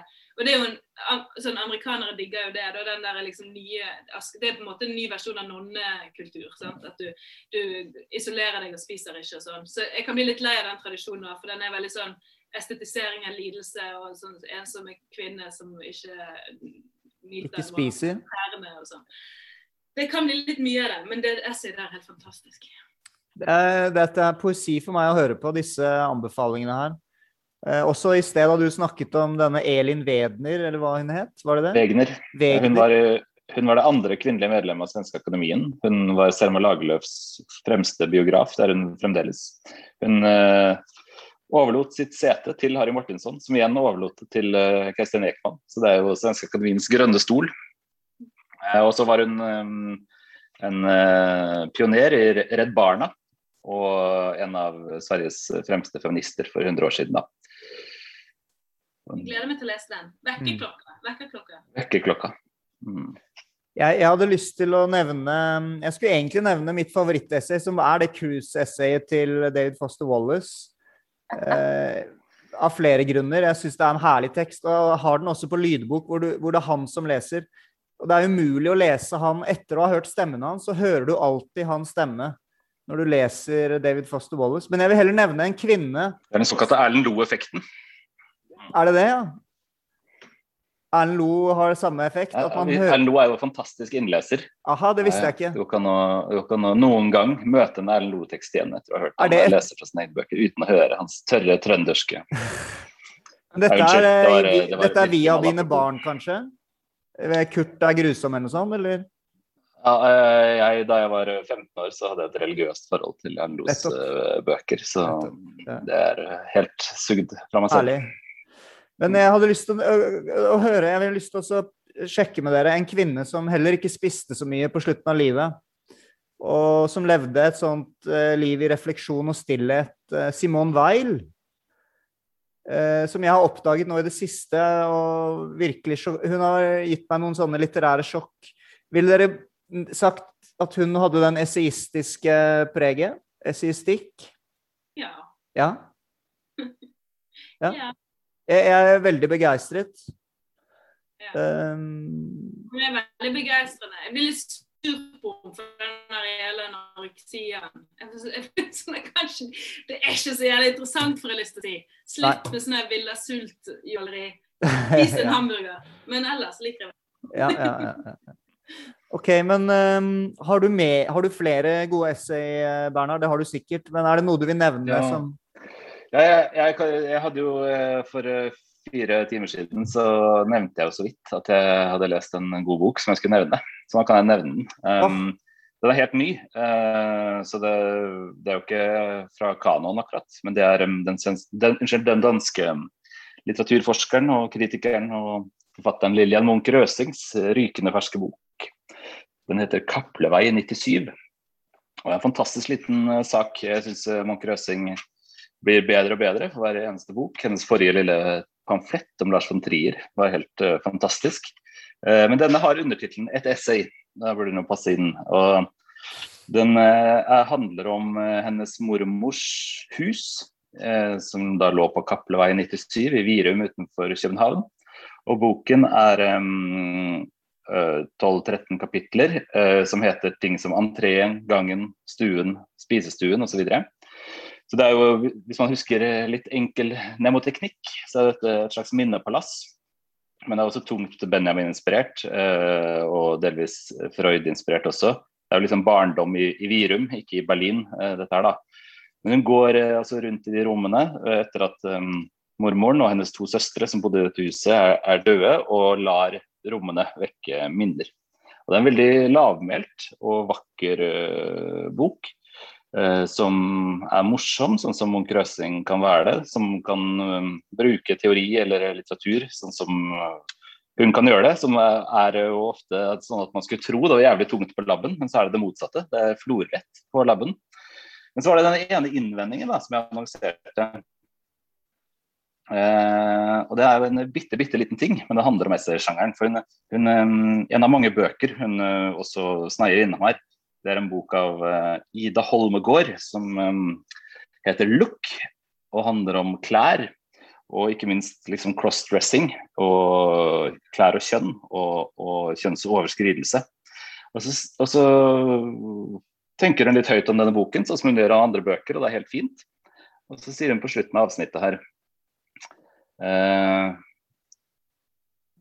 ja, bla, bla, bla, sier hun jo litt. Og så sier hun um, fordi den er et essay, blir Holmegårds bok aldri et identitetsfiksert manifest. Og det er helt sikkert ikke sånn ment som jeg leser det, men uh, så får Munch Røsing ha meg unnskyldt og så si at i hvert fall så er det sånn mange andre bruker ordet essay. Altså som en uh, essensiell størrelse som skulle forsvare teksten fra reelle intellektuelle innvendinger. Uh, eller liksom en kvalitet som unndrar en tekst fra, fra motargumenter. Og der, der syns jeg jo at hun faller uti da, eh, den eneste gangen hun gjør det på alle disse setningene, som jeg liker kjempegodt hele veien.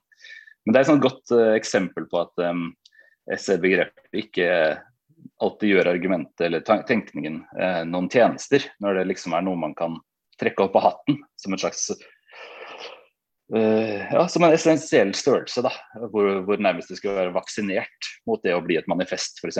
Um, det gir ikke noe mening for meg. Men, men denne boken er altså ikke uh, manifestpreget eller, uh, eller, stiv i det hele tatt. Og ikke minst så liker jeg godt at den uh, det, er en, det, er jo en, bok om kvinner, om kvinneliv og om kvinnehistorie. Og, og om ting. For dette er jo sant, en vandring i et hus. Uh, som er der, der, hun selvfølgelig er mest benjaminsk. Eh, men jeg leste noen sider opp igjen fra barndom i Berlin eh, mens jeg leste den her, bare for å liksom få opp igjen stemningen. Og jeg må jo si at jeg setter utrolig pris på eh, det lette og liksom åpenbart personlige her, da. Der Benjamin jo insisterer på at det liksom er én barndom eh, tross alt, selv om, han, selv om, det blir hans barndom. Eh, så, så, trenger ikke Munker Røsing å gjøre seg de forbeholdene. Det er eh, en veldig sånn ekte og, og mm, nysgjerrig holdning til hvordan det er å tape eldgamle familiemedlemmer, og hvilket tomrom som blir igjen etter dem, og hvilke praksiser i livet, hvilke ettermiddagste-avtale som faller bort hvilken, um, hvilke samtaler om strikketøy, hvilke, um, hvilke liksom faste reaksjoner på ting som man selv opplever, som man kan ringe og få hos en gammel mormor eller grandtante. Som jeg syns bare nailer fullstendig. Så for meg var dette her en, uh, en vidunderlig bok. Uh, men lavmælt. Kommer aldri til å inngå i noen som helst kanon.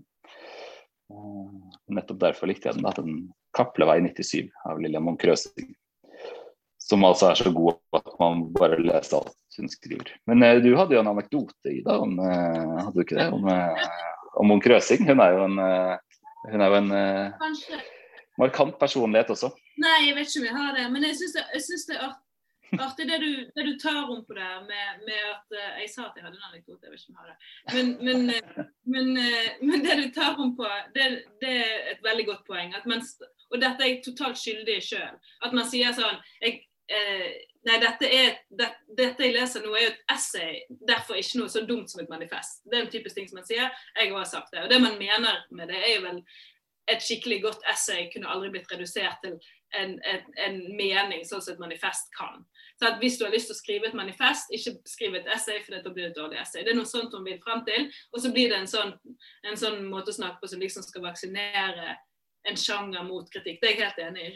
Men, men, jeg, men jo, nei, jeg var, jeg var to somre på sånn her um, kurs i København uh, for sikkert tolv år siden eller noe sånt, i dansk samtidslitteratur. Og da var hun der og underviste.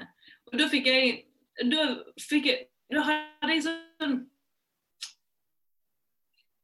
den, jeg har ikke den anekdoten, men jeg kan fortelle om det stedet. At det var sånn, et inntrykk av at, eh, av at, at, at dansk, dansk samtidslitteratur selv om den var så mye mer sånn det var mye, det var mye mer punk der, det var mye, mye, mer skjedde, det var mye mer greier. Det var veldig begeistrende på den ene siden, men på den andre siden så følte jeg òg at de hadde en sånn utrolig humørløs måte å suge til seg, særlig fransk teori, som gjorde at mye ble veldig sånn De, de, tok liksom dag utrolig alvorlig ennå. Det føles, føles litt sånn passé for meg. Og, og, og, og, så var de også utrolig opptatt av agamben, og det er de fremdeles i Danmark. det bare, Agamben er liksom så utrolig fresh hele tiden. Og, der var det, på det kurset som jeg, som jeg var på, da husker jeg holdt et foredrag om sånn om Freud og Derrida, og så skulle det et eller annet om sånn mikroutopier og spøkelser og hull. Og det var bare så utrolig pretensiøst. Mm. og så var hun der, og så skulle hun snakke om noe lignende. Så husker jeg liksom overhørte hun snakke på ved middagen etterpå, og så fortalte hun at jeg skulle til USA og studere. Så fortalte hun meg om sitt forhold til det universitetet jeg skulle på. Og, da, og etter det så har jeg tenkt på hun som sånn inkarnasjon av den der eh, litt svulstige, humørløse Frank-teoriversjonen av, av dansk modernisme. Men så har jeg fulgt kritikken hennes, så de er jo ikke sånn. De, eller de, av og til er de sånn, men ikke når de er bra. Og så Denne boken her høres ut som den har lagt det bak seg fullstendig. og at det er noe Ja, helt annet. men, men greia er jo at du noen ganger får livet, ikke sant? eller ofte, oftere og oftere, vil jeg si. da. Eh, For hun har jo um, en uh, tittel som er for meg er helt parodisk, som er um, en bok, en, en akademisk bok. Da. Dette er jo ikke en akademisk bok. Eh, Men som er Pixar-universet lest med Lacan. Og det er jo, høres ut som en vits. Måten de bruker Lacan Ja, og hun er jo lacanianer, da. Og, men, eh, men i den von Trier-boka så får hun det Altså, jeg, jeg um, er eh, nok så lite lacaniansk eller, eller i det hele tatt fransk som det nesten er mulig å være i, i, i det litterære. Men, eh, men hun fikk meg med på 150 sider av von Trier bare på ren liksom hennes egen intellektuelle driv, da. Eh, Selv om absolutt all teorien der er meg dypt uh, fremmed. Men det er jo igjen tilbake til dette med overraskelsen. da. At, uh, og det er vel kanskje fordi at hun er en essayist. da, At hun klarer å, å overraske både ut fra sine egne liksom, ganske stive premisser, som er et veldig uh, forterpa teoretisk apparat, høres det ut som vi er temmelig enige om.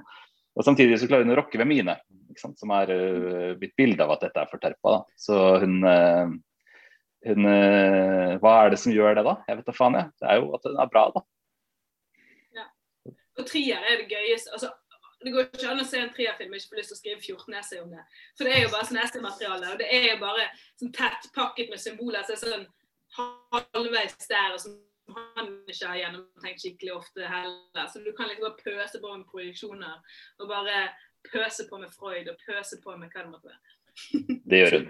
Jeg syns det er artig å høre at Danmark også har sin litt sånn stive teoretiske essayforståelse man eventuelt kan opponere mot da, som dansk forfatter. Um, men eh, Eirin, har du noe å legge til vår eh, kanon her i dag? Uh, ja, nå kommer det noe kanonisk, da, for nå kommer det faktisk litt George Orwell. Det er ett essay. Det er veldig, veldig kort essay. Vi har jo ikke snakka om Det har vi jo heller ikke snakka om nå, og det er jo lengde. ikke sant? Det her er på tre sider, og så har du sånne essay som alderdom av Simone de Beauvoir, så hva er 700 sider, ikke sant? Så, men det er igjen en helt annen diskusjon. Men?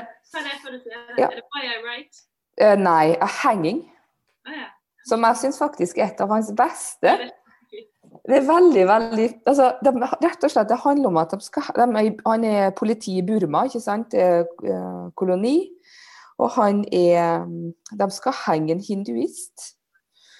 Og det er De står bare der. Først så blir de tatt med. Først så står de utafor, og så blir de um, eh, Så de blir tatt med eh, De blir tatt med inn, da. Og så står de egentlig bare og ser på.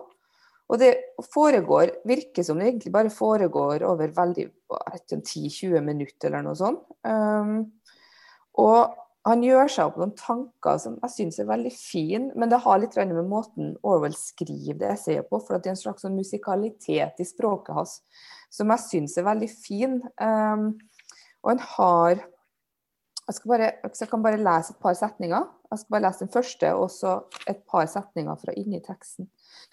Um, It was in Burma, a sudden morning of the rains. A sickly light, like yellow tinfoil, was slanting over the high walls into the jail yard.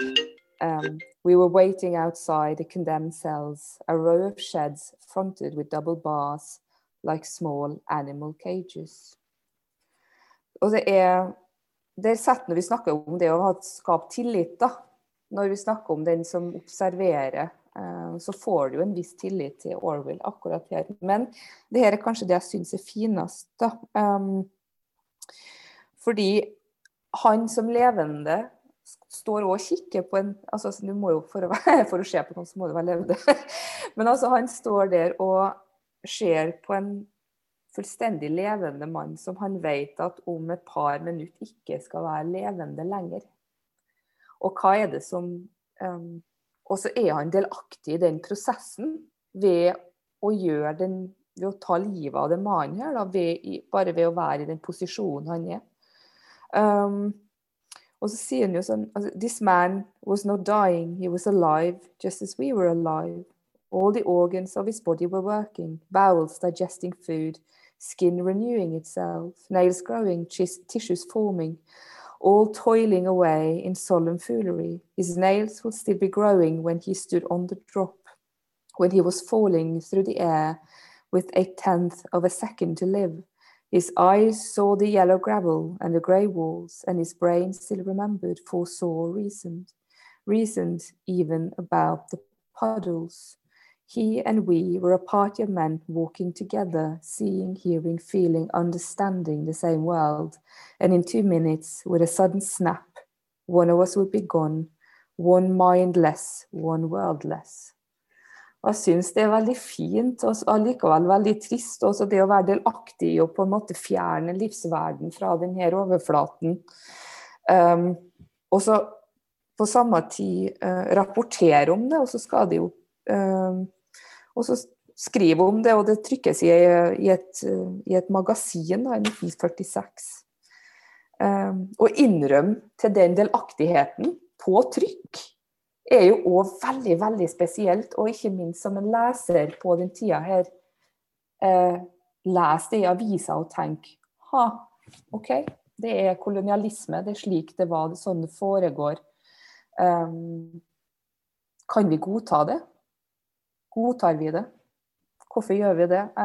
Det er bare når vi snakker om store tanker, store teorier, så bare trekkes ned tilbake til de åpenbare faktaene. Og de åpenbare faktaene er kanskje ikke alltid noe som vi liker, eller et samfunn vi har egentlig lyst til å være delaktig i, men det er på en måte del av samfunnskontrakten. Jeg synes det er et dødsgodt eksempel. Jeg vet, ikke om, jeg vet ikke om noen essayister er flinkere til nettopp det du beskriver der, å, skildre det medskyldighet mm. uten at det blir poserende selvpisking. Så det ofte blir mm. når andre gjør det. Men han har en sånn, han har en sånn Jeg forbinder to ting med han. Jeg syns kanskje han er den beste essayisten som noen gang har levd. Og, og, mye, mye bedre enn romanen hans, som bare er sånn her eh, Jeg er helt enig. Helt enig.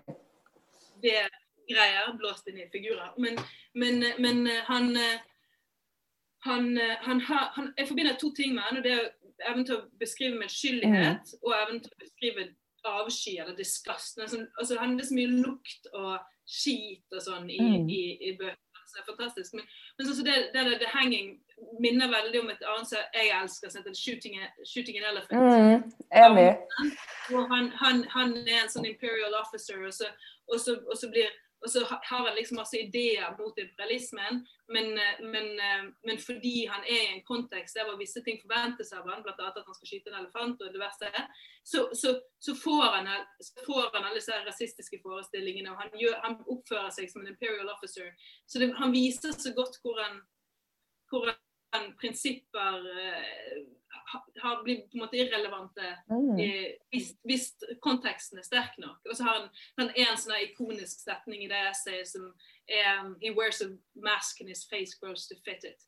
Den ideen om at, om at ja, prinsippene dine er lite viktige.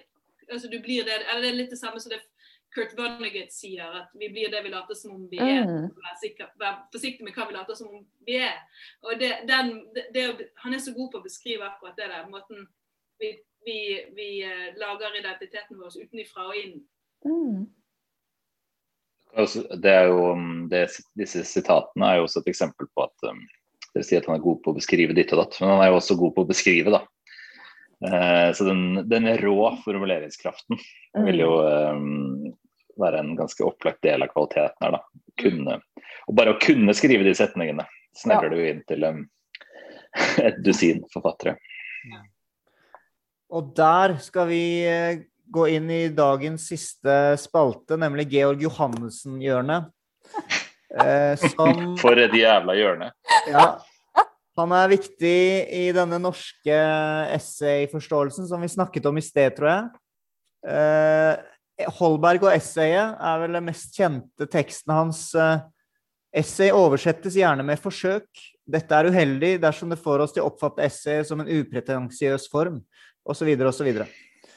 Eh, vi skal nå dele våre favoritt eh, Georg Johannessen øyeblikk, sitat, anekdote eller et eller annet annet som har med Georg Johannessen å gjøre, for å hedre denne bautaen i norsk essayforståelse. Eventuelt rive ned, kaste egg på. Essayene lar seg jo veldig mye lettere hedre enn eh, alt det greiene du snakka om, særlig bautaen. Um, så de, de, de, er jo stort sett et argument for heterogeniteten. Um, og osv. Men uh, hvis jeg skulle delt et Georg Johannessen-øyeblikk, så må jeg ramme det inn med at jeg bodde i Bergen i mange år. Uh, og jeg, Da tenkte jeg veldig mye på Georg Johannessen, uh, og har knapt viet han en tanke siden den, det øyeblikket jeg satte meg på toget for siste gang. Det er nok symptomatisk for for Johansens posisjon, da. Det er i deg. Det er, ja, Alle som det, det, bak seg, men det burde man. Så Derfor er også Johannessen uløselig forbundet for meg med Bergens ånd og patriotismen. Så hvis jeg skal til Johannessen-øyeblikk, så er det høyst ekstralitterært. Det er åpningen av Georg Johannessens plass eh, i Bergen. Uh, som jeg på en måte ikke husker en dritt av substansen av, men som jeg av en eller annen merkelig grunn har uh, eh, klikka fra noen bilder fra. Ikke i forbindelse med dette her i det hele tatt, men jeg tok bilder da jeg var på denne åpningen. Det er 15 år siden, tenker jeg. Uh, og um, der fant jeg et bilde av en sånn trist, våt, for det regna selvfølgelig som faen, uh, buekorpsgutt som sto der, for de hadde selvfølgelig piska ut minst tre buekorps for denne um, åpningen av denne plassen. Og så sto han der trist og venta på at uh, noen skulle snakke. Einar Økland kunne se ut som det var på neste bilde i min bildeserie. Han sto der foran et sånt synes jeg helt elendig uh, sånn gatekunstaktig bilde av GJ. Så det er vel, det er vel mitt øyeblikk da, av at uh, hele greia tar tekstens plass.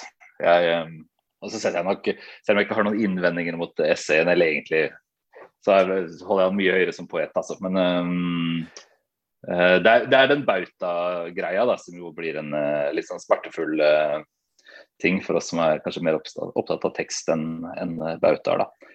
Men, men, men, da du satte deg på toget til Oslo, var det også sånn da at du på en måte hadde gjort deg ferdig med han ved at du hadde også fordøyd mye av hans tanker og og, og, og nyttiggjort deg det, og dermed også kunne ta farvel med det? Ja, Det hadde vært uh, veldig flott, det, hvis det var tilfellet, men overhodet ikke. Jeg var jo uh, For det første satte jeg meg ikke på toget til Oslo. Uh, jeg satte meg på toget til mer perifere steder og Stavanger. hadde verken, verken fordøyd det ene eller det andre. Men, men, det er interessant da, å bo i en by som Bergen, med en sånn intellektuell gigant, og så få det litt på avstand. Så så viser det seg jo at det er mye maner og mye, mye sånn kulturell selvforståelse involvert i den typen kanoniseringer. Da. Jeg vet ikke om jeg nå rett og slett ville si at Johannessen har så veldig sånn stor innflytelse over verken essayforståelsen vår, eller i hvert fall hvis noen hadde tatt fra Eivind Kjønland tastaturet, så hadde vi jo liksom ikke uh, ja, Nei, da hadde det gått uh, roligere for seg, da. Så, men, eh, men hvis man eh, skulle komme til å lese et av disse essayene da, uh, igjen, så ville det jo være mye mer gledesfylt og inspirerende. Ja. Som det alltid er når man uh, skuffer vekk bautaen. Ja. Jeg, jeg, er enig i at den, altså den bauta, heltedyrkingen av Georg Johannessen er patetisk. Og den er så det, den, er så, den, er så, ute av proporsjoner i Bergen i forhold til andre steder. Den var i hvert fall det. Jeg husker, når jeg begynte å studere i Bergen, så hadde jeg en sånn intern vits med meg sjøl om at, om at liksom alle, alle, de guttene som jeg var litt forelsket i, så var sånn alle som var høye og leste bøker var ti år eldre enn meg. Og de var liksom, alle, Jeg visste at de hadde sånn kollektiv prosjessert farskompleks på Georg Johannessen som en sånn slags lokal rufsete Sokrates. Og at hvis jeg bare siterte Georg Johannessen, så bare smeltet de. Og så gikk det litt sport i meg å liksom velge dårlige Georg Johannessen-sitater. Ble de veldig imponert likevel. Så jeg kunne si sånn ja, de sier at alle veier går til Roma, men hvorfor må alle gå via Bergen? sa jeg ofte til Georg Johannessen. At alle bare det er jo genialt! Men det er jo ikke det. Han har en sånn, en sånn, en sånn status der som er helt, eh, helt usunn, tenker jeg. Men så, Kan jeg, kan jeg sky- skyte inn noe og så spørre deg om noe i, i, samme, i Ja. samme setning? Fordi at uh, Hvis det er én en liksom verdig arving til Johannessen uh, i Bergen og i, i Norge, så vil jeg tenke at det er Amund Børdal, som er en, etter mitt skjønn en glitrende essayist. hva tenker du om liksom uh, uh, for, Vet du hvem det er? Nei, men da har vi et nytt tips på blokka. Um, Men- har, uh... han skriver eh, vel hovedsakelig Agora, tror jeg. Det er der jeg leser han. Han er en ordrik, men utrolig god um, Johan, johannesianer. Men er det noen andre, da? Som liksom, det, må jo være, det må jo være, Hvis det skal ha et hjørne, så må det jo, og det skal være litteraturhistorie, så må jo denne, dette ha noen etterfølgere. Har dere noen tanker om noen andre etterfølgere som er interessante? Noen andre Johannessen-etterfølgere? Jepp. Hva med han derre han der som hadde en sånn eh, hemmelig profil som jeg synes var veldig morsom? Han Kringsheim på Facebook. Han kunne vært en moderne som holdt på for noen år siden. Krigsheim? Krigsheim. Han kunne vært en litt Georg Johannessens bergensstemme som var sånn rabiat og sånn. Altså, mens den typiske liksom vagantgjengen gjelder det ikke. Og poetene, som er denne voldsomt bergensstyrkende, eh, patriotiske altså, Det passer jo ikke inn der. Og det, og det ingen Og på UiB, altså Litvitt-folkene der er jo så eh, stive i snippen at Så jeg vet ikke hvor den tradisjonen skulle være. Men, eh, men det måtte du, du må vel finnes i en slags punkete undergrunn der et sted, kanskje? Jeg har lyst til å nevne en podkast-episode fra Bergen. Antidepressiva. Hvorfor kjeder vi oss? Eh, Det er to eh, Skal vi se Johannes, Johannes Grytnes og Joakim Randa Bertelsen. Mm. Der har du dem. Du vil opphøye dem til johannesianere og etterfølgere. Ja. Ja. Noe, noe av ånden. Noe av ånden. En en spennende episode, i hvert fall. Som eh, jeg Jeg tror, har om det. Flere som tror Johannessen ville satt pris på det. Jeg tror ikke han hadde likt Jeg tror, jeg tror at eh, jeg, jeg tror at han er oppskrytt og at han ville vært enig. Og at han ikke ville At han ville synes at eh, at, eh, at den måten å Ja. opphøye han er, er Usmakelig. usmakelig. Det tror jeg, ja. Nå kan dere ha det jævla hjørnet deres. ja, jeg blir stående litt alene i hjørnet, føler jeg. Men det får bare være greit. Det får bare være greit. Eirin, har du, har du noe bidrag til hjørnet? Eh, egentlig ikke, fordi jeg leste om den norske tenkemåten i 2007. OK. Og det eh, siste året på videregående. Og jeg må innrømme, jeg husker ikke en eneste ting. Nei. Nei. Det er Og jeg har ikke lest Jo, jeg har lest ett et essay i den der essaysamlinga til Melberg, men selv da husker jeg det ikke. Og det er vel det eksil, eksilessayet, tror jeg. OK. Ja, innledning til eksil. Um, men, eh, men nei, det er mitt forhold til um, Johannessen. Ikke-eksisterende, vil jeg egentlig si. Ida, ditt bidrag har jo vært um... Jeg fortalte jo om mitt Ja. sjekkeregime da jeg var 20. Det Ja, ja, ja. Flott. Herregud, har jeg skulle ha sitert Georg Johannessen til noen på byen i Kristiansund i 2007, så tror jeg folk har kikka mer merkelig på meg enn de allerede gjorde. Så jeg tror det var kanskje Men det, en dårlig idé, for en ufattelig dårlig idé. men det ville vel Georg Johannessen likt at han ble brukt i sjekkeøyemed, eller? Jeg, jeg kjenner han ikke, jeg vet ikke. finner landet over, siterer han for å få OK. Men- Men nå, nå skal jeg bidra til mitt eget hjørne, og da vil jeg nevne poesi. Eh, Nå skal jeg prøve å sitere han fra hukommelsen. Det blir alltid litt feil, men det er det ene diktet Det er alltid to dikt som jeg elsker av Johansen, men det ene er sånn omtrent sånn her, da. Jeg lærer tyvene å stjele. Hjem tyvegodset Nei, stjel alt. Hjem tyvegodset overalt. Og det er et eller annet litterært fint med mm, at du stjeler, og så gjemmer du det overalt. Eh, det er en poetikk i det som også jeg føler kanskje er litt umoralsk å, å tolke han på den måten, men eh, skriving og stjeling og Jeg syns det er fint. Mm. Hans dikt til minne om eh, Warszawa-oppstanden er et av de beste diktene skrevet på norsk i det 20. århundre. Du har fine one-liners i dag som jeg føler vi kunne lagd overskrifter av. Jeg jobber i avis. Jobber i avis. Og vi skal hoppe rett inn i, siden dette er Bokvennens eh, podkast, hva leser du for tiden? Så eh, kanskje Bernhard har lyst til å starte? Ja, jeg er imellom bøker. Eh, Jeg har akkurat lest eh, et par ting som jeg tenkte jeg skulle nevne etterpå, som er eh, essays. Så det kan jeg spare. Men eh, jeg skal lese. Det er en bok eh, som jeg virkelig skal lese på oppfordring. På en oppfordring vi alle har fått. Så jeg har eh, lånt meg Herman Saknowitz' eh, bok 'Det angår også deg'. Ah. Eh, Å ja. Der forsvant Bernhard. Forsvant Bernhard. eh, på 70-tallet. Bernhard, vi mistet deg et lite øyeblikk der, men du, du nevner Herman Saknowitz. eh, Det angår også Ja. deg. Ja, ja. På Ståle Dingstads innstendige oppfordring Ja. i hans bok om Hamsun og det norske holocaust. Så det, den oppfordringen tar jeg. Eh, og det er interessant, den er skrevet av en medforfatter som også har skrevet, nei, oversatt Hardy-guttene og har skrevet masse sånne guttebøker. Ja, ja, ja.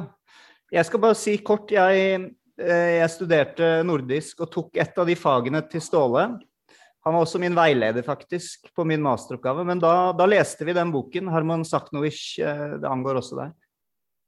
Så, Var den noe bra? Ja, jeg syns, den er bra, men jeg deler ikke hans eh, Ståle Dingstads oppfatning om at dette skal liksom dyttes fram i kanoen som verdenslitteratur. Jeg tror ikke det er sånn Eller sånn, det er ikke sånn det fungerer, ifølge meg, da. Men det er verdt, definitivt verdt å lese. Veldig fengslende og Vil jeg si. Mm. Det er det, er, det er det som er interessant. da. Den, den ser ut, Jeg har jo rukket å komme litt i gang. Den benytter seg jo av eh, veldig storslagne dramatiserende grep. Det som vanligvis er bannlyst fra holocaust-litteraturen. Ja, ja. Så det er interessant at Dingstad trekker frem det. Eh, så det ser jeg frem til å, å tenke mer på. Ja. Spennende. OK, la oss gå til eh, deg, Ida. Hva leser du for tiden? Jeg har hatt et prosjekt i vinter der jeg tenkte at jeg bare skulle lese ting skrevet før Kristus. Det Nå er jeg, nå er jeg på sekundærlitteratur, så akkurat nå, nå skal jeg holde opp en bok til dere. Det er litt dårlig sjangerforståelse fordi vi er på byen, men dere er ikke det. Akkurat nå holder jeg på med, med denne veldig bok, kule boken her som heter 'Alone of All Her Sex' av Marina Warner, som jeg har drasset på i hvert fall 15 år, lenge før jeg hadde hørt om Marina Warner.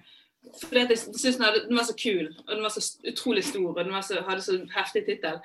Som er på en måte en sånn slags biografi av Jomfru Maria, eller Jomfru Maria sin kulturhistorie, på en måte. Og, eh, og den er Jeg sier ikke det fordi jeg anbefaler den, jeg tror jeg vet ikke om jeg anbefaler den, men det er nå den jeg leser. Den er, det er mye annet man heller kan lese. Men, men eh, den holder jeg på med. Og så holder jeg på med Emmanuel Carrère sin 'Rike', som kom ut på Pelikanen i år.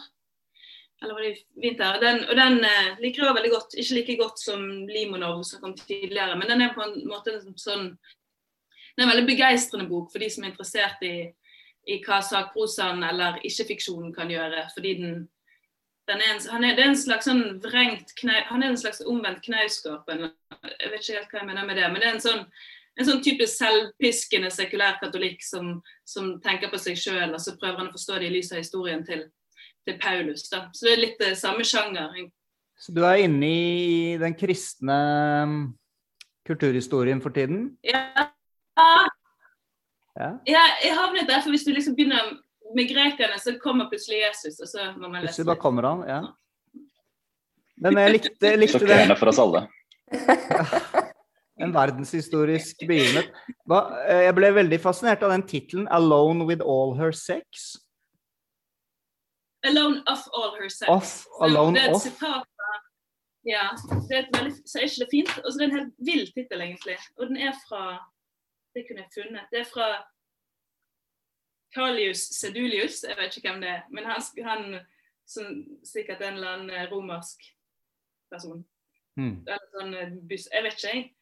Eh, she had no peer either in our first mother or in all women who were to come, but alone of all her sex, she pleased the Lord. Nice, nice. Hard dom. ja, Over alle andre, altså. jeg vet det. Hard act to follow. Mm. OK, Eirin. Nå er jeg spent Uh, Ja, jeg har, jeg er halvveis gjennom Idas bok.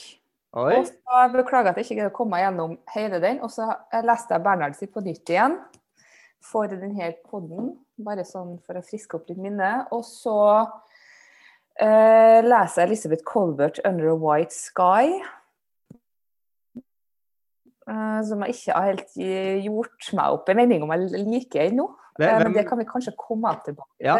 Elisabeth, Elisabeth Colbert. Colbert, hun skrev, ja, hun skrev The Sixth Extinction eh, for en del år, så veldig god eh, Altså viktig og god klimalitteratur. Eh, men hun er jo inn i på, I 'Under White Sky', som, som Bernhard har skrevet om, faktisk, så er hun jo, snakker hun jo, eller diskuterer hun jo klima og teknologi, og hvordan vi på en måte må um, Alternative måter å prøve å fikse det her på, da, med tanke på at um, vi kanskje vi har kommet eh, altså Klimakrisa er rett og slett eh, den er ødelagt til den grad at det kan ikke fikses ved å bare til, ha en slags tilbaketrekning. Em, så vi må um, Det må fikses på andre måter ved å, ved å mm, la um, korallrev eh, forplante seg ved hjelp av menneskelig hjelp og sånne ting. Um, og så leser jeg, men den har ikke helt kommet liksom, godt i gang med. og det er den boka her som heter 'Social Acceleration A New Theory of Modernity' av Hartmut Rosa. Som egentlig handler om tid. I hvert fall sånn som jeg har forstått det fra de første 50 sidene. Men jeg tror det er, nok, det er nok litt større og litt mer enn det. Men eh, det er så langt jeg kommer. Eh, ja, jeg sitter med en hjemmeeksamen i PPU, så jeg sitter og leser masse sånn kjedelig lærerstoff. Og et mareritt for tida. Ja, ja. Um, men det er da mitt lesestoff. Ja. Jeg, du, får lyst Jo, det er gøy at du spør. Jeg, jeg har Altså, jeg føler et sånt tegn på selvdisiplinen man har i livet, hvor, hvis man begynner å se hvor mange bøker er det jeg egentlig har prøvd å begynne på nå. Fordi det er lettere å starte en ny bok enn å avslutte den man begynte på. Og jeg Det har hopet seg opp. Det er blitt helt overveldende. Så nå må jeg rydde opp, levere tilbake på Deichman osv. Men i dag har jeg fullført to bøker på lydbok på Audible. Og den ene har jeg lyst til å nevne, for den er litt relevant. Det er en memoarbok. Litt sånn essayistisk. Jeg vet ikke om dere har hørt om den. Den heter 'Uncanny Valley' eh, av Anna Wiener. Hun skriver om sånn startup-miljøet i San Francisco. Eh, sånn tech-firmaer, og hennes erfaringer fra det. Og blir sammenlignet med Joan Didion, som jo er en, en betydelig essayist. Så litt fornøyd med det. Hun skrev, skrev fra San Francisco, hun òg. Nettopp. Nettopp. Der har vi linken. ja. Den likte jeg kjempegodt. Veldig eh, Hva skal man kalle det for um, Snatch Ikke snatchy, er det et ord? Eh, Snappy. snappy, takk.